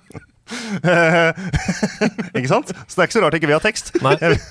Ehm, men det, det tror jeg kan like at den stemmen ligger der. Mhm. Men øh, det høres helt jævlig ut. Men er dette fordi du har problemer med å lese? Uh, Nei, jeg, jeg har hatt uh, nei og ja. Ja. Jeg har hatt uh, norsk-finsk bakgrunn, Ja. som har gjort at jeg sleit med dobbeltkonsonanter lenge. Eh, og sleit litt med det. Så jeg finner ut i voksen alder at jeg har hatt skjeve hornhinner, så jeg har slitt med Så det er godt, uh, Pent, godt Bra spørsmål. Eh, at jeg sliter med konsentrasjonsevnen min når Ja. jeg leser etter en type time, halvannen mindre. Jeg er helt sånn Ja. hardt, for du syns det er tidenes bok, liksom. Mm. Eh, men det, det tar meg mye lengre tid å komme inn i det. Ja. Fordi jeg blir sliten av det. Nei, for det, er, det er jo ikke noe negativt. Jeg bare lurte på om det hadde noe med det å gjøre. Men det kan, Eh, det kan, kan helt fint ha noe, ha noe med det å gjøre, men det har nok også noe med at jeg, jeg er en mer sånn påvirka av moderne type spill. Og egentlig Ja. alltid er en sånn Jeg vil heller dra på ferie i en storby Ja. enn å dra til skauen aleine og fiske. ja, jeg skjønner. Det Nå skjer ting. Ja. Ok. Jeg kan godt gjøre det en gang iblant, å gå og fiske, men det, det er liksom Det er sjelden det behovet dukker opp med. Og det er litt det samme som sånn tekst i Ja. spill. Nei, jeg kjøper det. Jeg liker jo å finne fram til ting ved å researche meg fram og gå gjennom en hel sånn eh, bokhylle og finne mitt clou, men det er bare meg. Ja, det Eh, er tydeligvis bare deg. da Dere to er uenige her, og det er jo ubehagelig. Jo, men jeg liker jo at det er, det er noe for deg. Ja. Ja. Eh, men jeg vil ikke ha den stigmaen tilbake. Nei, jeg tror ikke Andreas ofte- sier deg det. Nei, men ofte får er Ja, ofte, Jeg har jo tross alt vært Jeg burde jo aldri ha vært med i en spillpodkast sånn sett sjøl. Mm. Fordi eh, jeg var den som hadde minst kunnskap om når du hadde Spillnytt i stad. De Mm. første tre nyhetene. Altså det, er frem, det meste der er fremmedord for meg. Ja. Det er en på Twitch-chat her som skriver Kan dere mute Ollie og slenge på undertekst. Jeg syns det er gøy. Det er gøy. um, Det syns jeg også er gøy.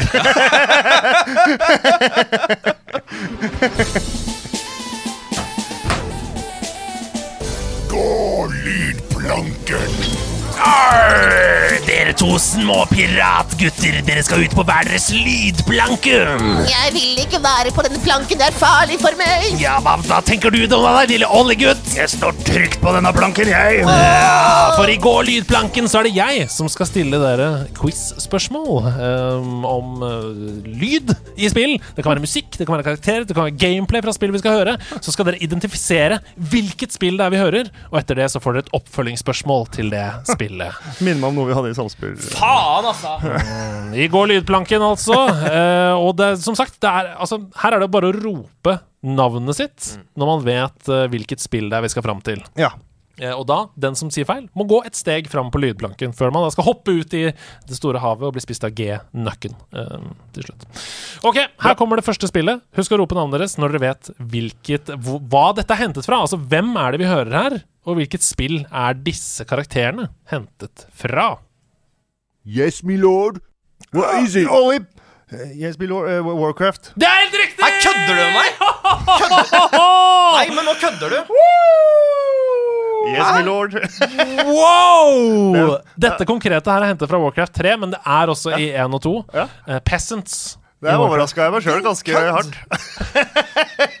det var gøy. Ja. Hvor kom dette fra? Ja, jeg spilte det da på min Dell, eller nei, Compact, eh, med Windows 94, eller hva det var. Ja, den tida der. Wow. ja, nei, imponert og sint. Det er jo, uh, Ja, det, det er jo bra, da.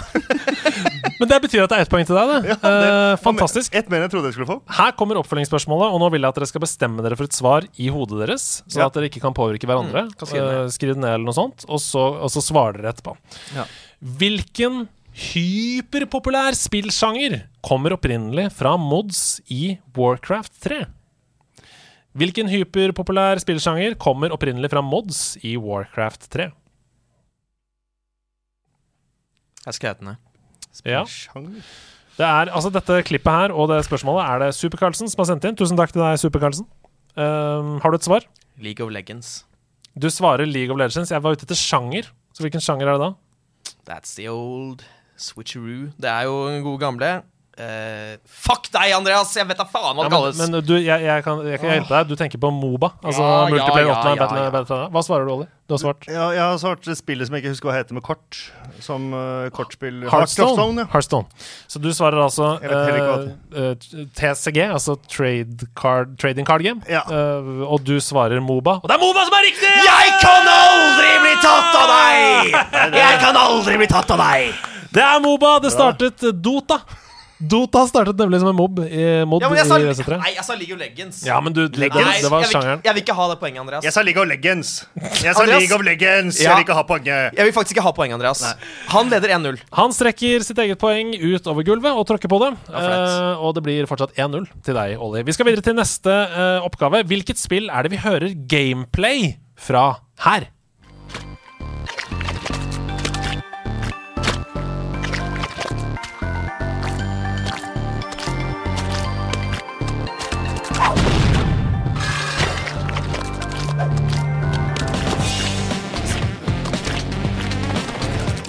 Ollie? Nei, er det det? jeg husker ikke hva det heter. da Et eller annet med Cell Ikke innse det spillet der. Cell. Cells. Eh, Dead Cells? Dead Cells. Nei da, det er ikke det.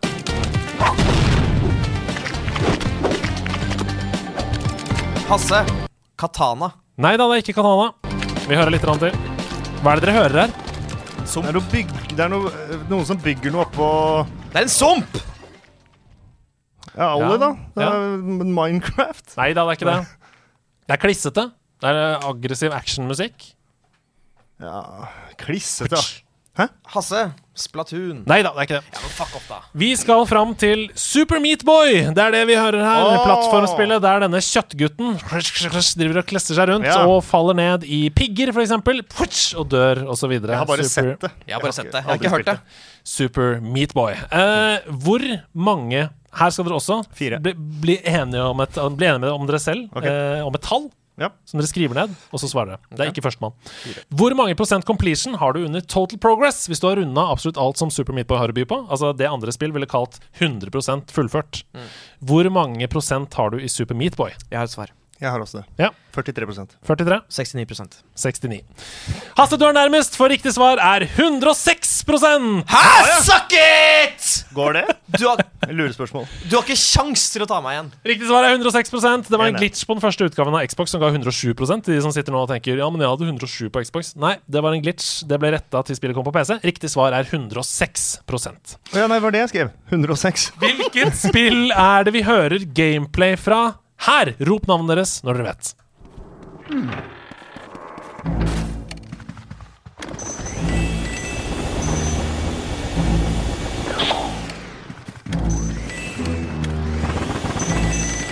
Hasse.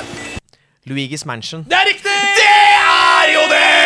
Det er Luigi's Mansion! Og dere holdt dere for det ene øret her, for det er helt riktig. Det var bare lyd i høyre kanal på den YouTube-videoen jeg fant. Som, som, og dette spillet var jo på GameCube, så jeg regner med at det var mono, rett og slett. Det var mono. Uh, Luigi's Mansion er helt riktig. Det betyr at du leder 2-1 før det siste spørsmålet. Ta oss Gå noen steg fram på lydplanke dårlig Kom igjen.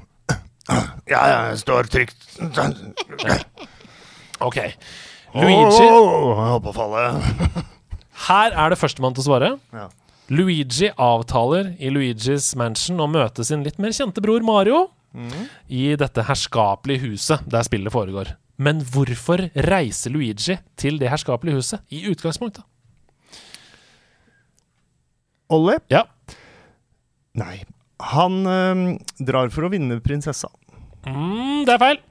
Hasse. Ja. Han drar for å rense huset for onde ånder. Det er også feil. Nå er det åpent her. Kom igjen. Ollie, nei, nei, det er for å lage pizza. Nei da. Hasse, det er fordi uh, han har hørt rykter om at det er veldig skummelt der. Nei da. Nei, han går Han, uh, han vet ikke. Uh, nei, nei, det er heller ikke riktig. Nei. Eh, Hasse, han skal kjøpe støvsuger. Nei. Han skal selge støvsuger. Nei da. Og der tror jeg vi må gi oss med gjettingen. Eh, Luigi har vunnet huset i et lotteri. Akkurat. Han avtaler å møte Mario der, men blir umiddelbart overfalt av da spøkelser. Så det betyr det, Hasse, at det er du som har vunnet med 2-1 nå! Du må gå lydplanken. For la meg se deg gå lydplanken. Ja, greit. Her er sverdet mitt i ryggen din. Nei, slapp av! Au! Ja. ja. Har noen noen gang snudd seg rundt og drept dere i stedet? Hopp! Nei! Ah! Jeg som faller! Men jeg hiver. Veldig bra radioteater. Dere er veldig gode. Takk, Eh, takk. Gratulerer med det. Til meg? Du Ja. så på meg når du sa gratulerer? Mm.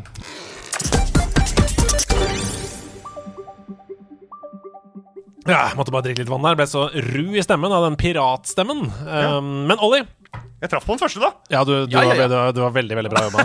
Eh, vi har kommet til korktavla, der hvor folk stiller oss spørsmål. Og du er nødt til å være den mest forhåndshypa gjesten vi har hatt noensinne. For dette er ikke kødd. Det har kommet inn mange hundre spørsmål. Er det sant? Da jeg la ut dette på Instagram. Det Yes. har rent inn med spørsmål. Så vi er bare nødt til å ta en slags lynrunde først. Der vi bare kjører gjennom en slags bolk som er til deg. Ja. Uh, beklager til alle som ikke får spørsmålet sitt opplest, men du kan kanskje bli med på NL-discorden eller noe sånt. Så kan du ha en AMA, en Ask Me Anything, en eller annen gang. Kanskje Ja. et eller annet. OK. Jeg er, jeg er der for øvrig. Oi, oi, oi! Olli, Olli, Ollie. jeg var der fra første dagen den kom. Wow. Det, er, eh, det er veldig hjertevarmt. Gjett hva jeg heter. Olli Lauvskog. Nei. Hva heter jeg i samspill? Å, det vet jeg ikke. Jo da, det vet du godt når jeg sier det. Shit. 70 episoder, Jeg var, ikke, Andreas. jeg, var ikke, jeg var ikke over land, men jeg var under vann. Jeg var en ubåtkaptein. Åh, det husker jeg ikke. Hvorfor husker jeg ikke det? Det vet jeg Nei, Nei, jeg husker ikke. Ok, Her kommer spørsmålet. Ja. Ollie, du har spilt masse Call of Duty de siste åra, men hvilket COD-spill er favoritten? Så Hilsen, oh! jo, hilsen Jon. Du har vel spilt med ja, det er Jon, ja. Eh, nei, det er, det er eh, Black, eh, Black Ops. Siste Black Ops. Perfekt. Du er allergisk mot alt som fins av mat i verden, sier Pilsebob. Men hva snackser du når du gamer? Uh, dessverre ja, snacks, snacks, Smash, da. Ja, Smash. ja. Smash, ja. Det er dritt klissete, men det er det sikkert. Ja, Ja. det er salt og søtt sammen. Når kommer Hopp som en bratwurst-spillet, sier God Drege. Å, det kommer ikke. Jakob Fleischer sier hvilken spillkarakter ville vunnet Kongen befaler? Uh, uh, godeste, hva heter han eh, idioten i Mario? Bossen? Oompa Bowser. Ja, Bowser. Bowser ville vunnet Kongen Ja. befaler, ja. Det tror jeg. Smart nok. Nei, men han- er svær og går rett på. Eriks han spør Har du spilt Ollie Ollie World. Ollie? Nei. Det er et skateboardspill. Ja, det skal jeg gjøre. Hvor irriterende var det at Harald Eia konsekvent, konsekvent kalte deg Ollie med O og ikke Å? Eh, det har han gjort eh, så lenge jeg har kjent han. Jeg har begynt å kjenne han i ti år. Og så spør jeg han, jeg har spurt han mange ganger hvorfor, og han svarer eh, oh ja, jeg glemmer det. Så det er en slags hersketeknikk, Ja. men jeg tror faktisk han glemmer det. Okay. Så det er irriterende, men jeg, nå er jeg blitt vant til det. Rundhaug Kai spør hvem er best på Fifa, deg og Lars Berrum? Åh, det er nok mm, Det er relativt jevnt, men jeg har nok slått han mer enn han har slått meg. Wow, shots fired. Christer The Lifter spør ønsker Ollie all hemmelighet å vinne en byste i gull av Atle. Eh, Å nei. nei. Jeg vil ikke ha noe byste av Atle hjemme. Det holder å møte han et par ganger i året. Oh! Nei, da, Han er en veldig hyggelig fyr, Ja, men ja, eh, jeg skal ikke ha noe byste i gullet av han hjemme. Booger89, favorittspill med mye humor? Jeg lurer på om jeg faktisk sier eh, som er ferskest i minnet. uh, It Takes Two. Åh. KRVO1 spør er det håp om å se ubåtkapteinen styre samspillskuta igjen. Uh, det er det. Oi! Det er det. Vi har, Shots fired. Men vi har snakka om det i nesten to år, og vi har hatt én reunion. Ja. Eh, men det er, det er godt mulig. Men vi må bare Alle har småbarn i, Ja. når de blir litt eldre, så skal du ikke se bort fra at eh, vi kommer tilbake. Pokerfrik spør hvis du kunne valgt et spill som deltakerne i Kongen befaler skulle speedrunne, hvilket spill? Ja, er Super Mario 3. Oi, oi, oi, helt enig. Mav Mav Zero, hvor lik Alex Horn er du på ekte?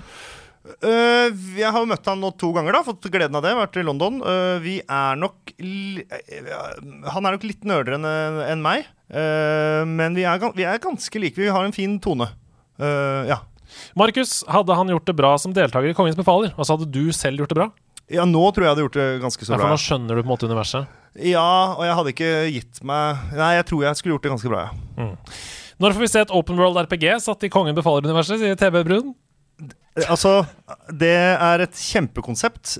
Ikke pitch det til noen. Jeg vil ta det. Oi, oi, oi! Vi rekker et par spørsmål til før Ja. alle skal slippes med i miksen her. Ja. Hvem hadde Atle Antonsen vært i spilluniverset, spør Vebjørn. Nei, det er jo Bowser, det òg, da. Oh! Nei, ja, det er vel det. Stygt Nei. Meatboy! Meat eh, Super Meat ja. Boy! Perfekt. Banangutten, tror du de fem programlederne i nerdelandslaget hadde vært gode deltakere i Kongen befaler? Ja. Ja. Jeg, tror jeg. jeg tror alle som driver med spill og er glad i spill, gjør det Ja. bra i Kongebefaler. Ja, der er du god, ja. Ja. Det er sant, det. Klokkismann, hei til deg. Hvilke, Hvilke personlighetsrelaterte egenskaper utvikler man av å drive med improvisasjonsteater? Hvilke personlighets... Ja, Relaterte egenskaper utvikler man av å drive med Eh, man, det er en slags kreativitet og lite frykt for å være i utrygge situasjoner. Mm. Eh, Altså Ikke nødvendigvis å bli rana i en bakgate, men eh, å bli ja, satt på rare ting eh, foran publikum, f.eks. Eller ja, Mm. løse oppgaver. Simon Sess spør om det vil noen gang bli en rematch mellom deg og Stian Presthus i Guitar Hero. Vi har, det har vi prøvd lenge, og det bør det bli. For vi har aldri gjort den originale. Vi skulle ha en battle i original Rocket League. Nei, ikke Rocket League, i Guitar Hero. Mm. Uh, så spilte vi den toeren med knapper oppe og nede, og der var vi begge ræva, men jeg Ja. var mer ræva. Ja, Så vi har begge veldig lyst til det, men vi får det ikke til. For han er en idiot, og han hater meg. Jeg har ikke hørt på langt nær alt av Nederlandslaget men jeg har et spørsmål til dere. Oi. Hvilket spill skulle dere helst hørt musikken til live? To kategorier. Én med f.eks. Filharmonien i operaen, altså veldig sånn klassisk eh, sted. Og to på barscene, altså at det er mer sånn rockete eller liksom ja. Unravel Uh, Det er Jørgen som sier det. Hei, Jørgen. Hei. Ha. Jeg ville ha sett Unravel, Ja, Unravel-musikken på, På i Filharmonien. Ja. Mm. for den syns jeg var nydelig. nydelig. Jeg, I Filharmonien så har jeg lyst til å høre The Return of the Obra Dinn. Oh, fordi det er min favorittspillmusikk noensinne. Mm. Uh, på bar vil jeg høre Doom-soundtracket i loop. Det vil jeg òg. Punkeband. Ja, Det det, er gøy. Doom er bra svar, ja. Jeg har eh, Det er noe med Overwatch-soundtracket, Mm. også i Filharmonien, liksom. Med full med pauker og god stemning der. Pauker, jeg elsker pauk! Ba, ba, ba, ba, ba, ba, ba. Er noe der. Ja. ja, ja. Hei, laget. I hvilket spillunivers og gjerne location ville dere tilbrakt sommerferien? Jeg hadde nok valgt å suse av gårde i en Ferrari langs Coconut Beach fra Outrun, skriver Matsipad, eller Mats iPad, som det kan hende der. Nei, hva skulle, hva skulle det vært, da? Mm. Nei, da Sommerferien? Vi nevnte jo For da er jo altså, ikke sant? Da må jeg forandre litt livssituasjon. Vi nevnte jo det mannssjåvinistiske spillet Larry. Ja. Det kunne Nei, Olli, hvor skal du nå? Nei, det, kunne, det er akkurat som at jeg, jeg kunne gjerne ha vært med i eh, Paradise Hotel hvis jeg var singel og det ikke gikk på TV. Mm. Eh, så sånn sett, hvis jeg hadde vært uh, singel og ga faen i eh, folk og fe og Mm. likestilling Mm. Nei, jeg trekker meg på det svaret. Nå er det der ute! Til evig tid. Ja, det kan det godt være. Men det, er, etter, altså, det, er jo, hørt, det hørtes bare gøy ut. For jeg syns det var så gøy da jeg var liten. Super Mario Sunshine er veldig gøy, da. Det er litt mye fiender og litt mye sånn gløgg og sånn, men det er jo i um, Delfino Isle, og det er sommer og Ja. pip, Ja. Man vil jo ha det. Jeg velger The Witness. Deilig, sommerlig øy. Og når jeg begynner å kjede meg, så kan jeg utføre Eller jeg kan løse gåter. Men du er helt alene. Det er veldig Ja. Ja. Og jeg er introvert. Det er Ja, perfekt. perfekt. Jeg tror jeg, jeg, tror jeg, kan, jeg går for dette svaret. Eh, siden jeg, vi snakka om Super Mario 3 i stad. Jeg vil opp i, Når du kan gå opp til skyene. Vært Ja! der med p-ving. Så jeg Ja, kan liksom det er bare- veldig bra svar. Ja. Eller P-ring. Jeg slenger, også på, jeg slenger også på Switch Sports til slutt. Kan bare Litt volleyball der, litt fotball. Ja. på, ja. Det kan vi få til. eh, To kjappe til slutt der. Takk for et flott improshow på Latter på fredag. Ja, ja, Hva er dine tanker om impro i spill? spør Svein Arne. Eh, det, jeg, jeg tror det er mange spillutviklere Vi har i hvert fall veldig mange oppe og det andre teatret på kurs som eh, er innenfor spillting, som er glad i utvikling og glad i spill. Mm. Eh, så for utvikling, absolutt. Eh, I spill så er det jo masse impro. Ja. Fordi, i hvert fall i Open World og, altså, Så jeg tenker ja, men kanskje ikke liksom typiske liksom, klassiske improøvelser. Det vet jeg ikke om noen vil ha i spill. Vi avslutter med det siste spørsmålet her fra Sneak, som sier at han er enorm Kongen befaler slash Taskmaster-fan og lurer på om du henter noe inspirasjon til oppgaven fra spill du har spilt selv. Uh, det er det første. Mm. Uh, og det andre er om du kunne tenke deg et Taskmaster-spill. Og hvordan det, hva det hadde inneholdt. Uh, det fins. Ja. Taskmaster-spill fins. og ettersom det er Taskmaster-originalene som eier alt sammen, så kan det hende at vi skal lage det i Norge også. Oi! Eh, og det fins bøker eh, med oppgaver, og det fins masse greier. Eh, hva var det første? Om vi henter inspirasjon fra, Fra spill. Eh, ja, når det kommer til lureri Altså når det kommer til de oppgavene som har en liten sånn i seg. Mm. Det kommer liksom Jeg har ikke noe sånn konkret. Nei, jeg skjønner hva du men sånn eh, at det fins alltid flere veier til målet, på en måte. Ja. Det, det er eh, absolutt inspirert av. Vi har aldri svart på så mange spørsmål i korktarmen før. Eh, beklager at det var lite til oss denne gangen. Neida, Masse bra. til Ollie. Eh, takk for det. Hvis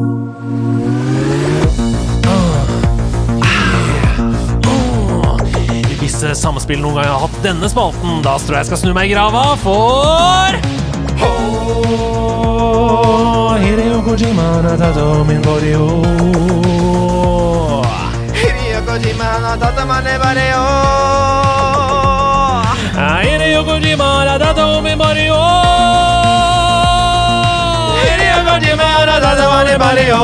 Kojima-san. Velkommen til Kojima-koden, og velkommen også til Japan. 私も、えー、秀岡島です。Hans Christian です。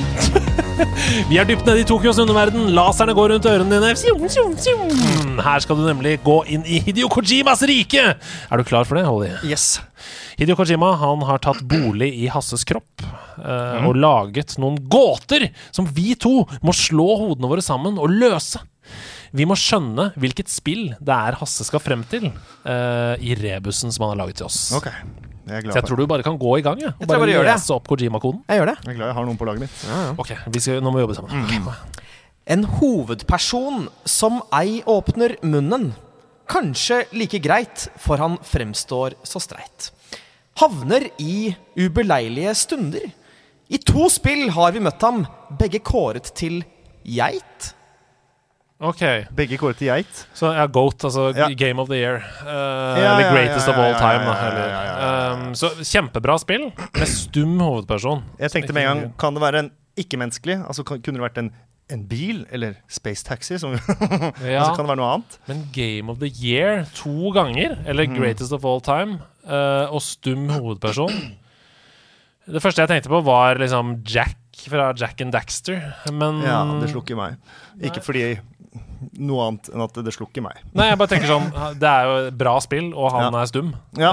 Um, Jeg tror ikke jeg vet om én karakter som er stum, som at det er liksom greia at den er snu, stum. Annet enn øh, Eller ikke noe annet enn. Det fins jo sp spill hvor hovedkarakteren ikke snakker. men uh, han er ganske streit. Han, det avslører at det er en han. Ja. La oss, la oss prøve å liste opp i hodet noen av de greatest of all time-spillene vi har. da Ja.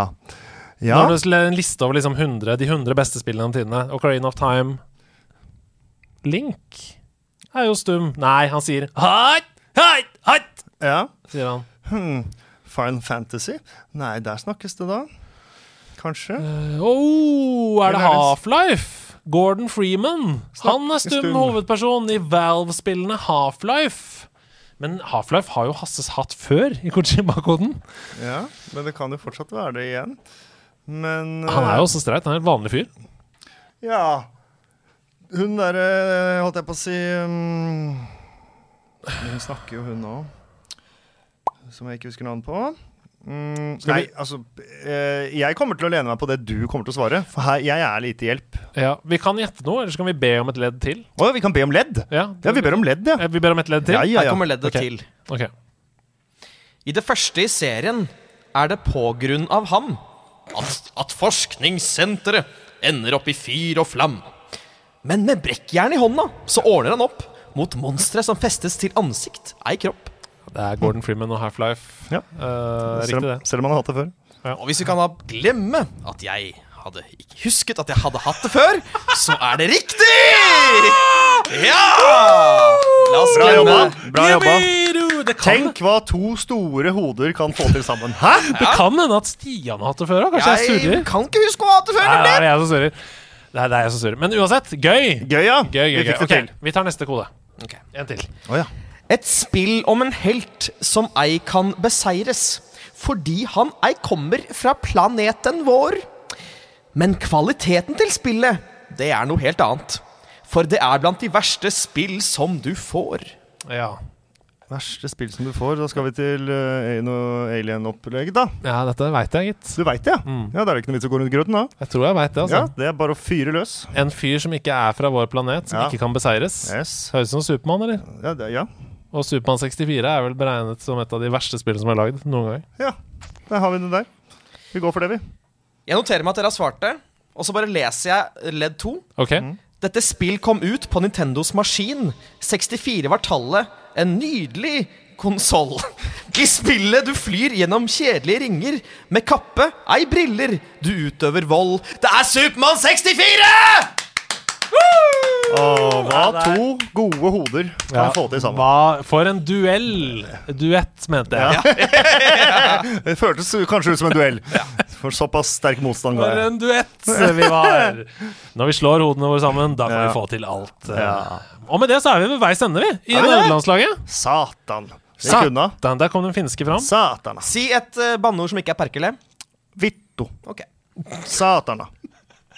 Da har vi lært noe i dag òg. Fy søren, så hyggelig det har vært å bli kjent med deg, Olli. Har du hatt det fint? Ja, jeg har hatt Jeg kosa maks, jeg. Ja. jeg. Dette er Her kan jeg Her, jeg, her jeg blir det. Ja, så deilig. Er det noe du har lyst til å legge til til slutt? Noe, er det noe sted vi kan se deg? Noe du har lyst til å plugge? Noen prosjekter du har på gang? Eh, det er noen, men de kan jeg ikke snakke om. og så ses vi jo neste, her og neste gang, for da jeg skal b b ta over jobben til dere. Nei, Neida. Nei, men det gidder jeg ikke. Nei da. Nei, da, nei, da. Ok. nei men jeg, jeg vil gjenta det jeg sa i stad, som en oppfordring til dere om å faktisk eh, Ikke bare som en sånn eh, «Høy, Gjør det, da. Men, eh, men jeg, gjør, gjør det, da. Tusen, tusen takk. Det har vært veldig koselig å ha besøk av deg. Nå skal du rett videre ned til Er det Salt? Salt, ja. For å improvisere. Jeg skal spille nedpå Salt nå om eh, 40 minutter. Så det Så blir bra. da tror jeg vi skal avslutte her. Tusen takk for at dere har hørt på episoden. Takk for at dere også hørte på episoden, dere andre som ikke Andreas nevnte nå. Og tusen takk til dere to. Ha det! Ha det!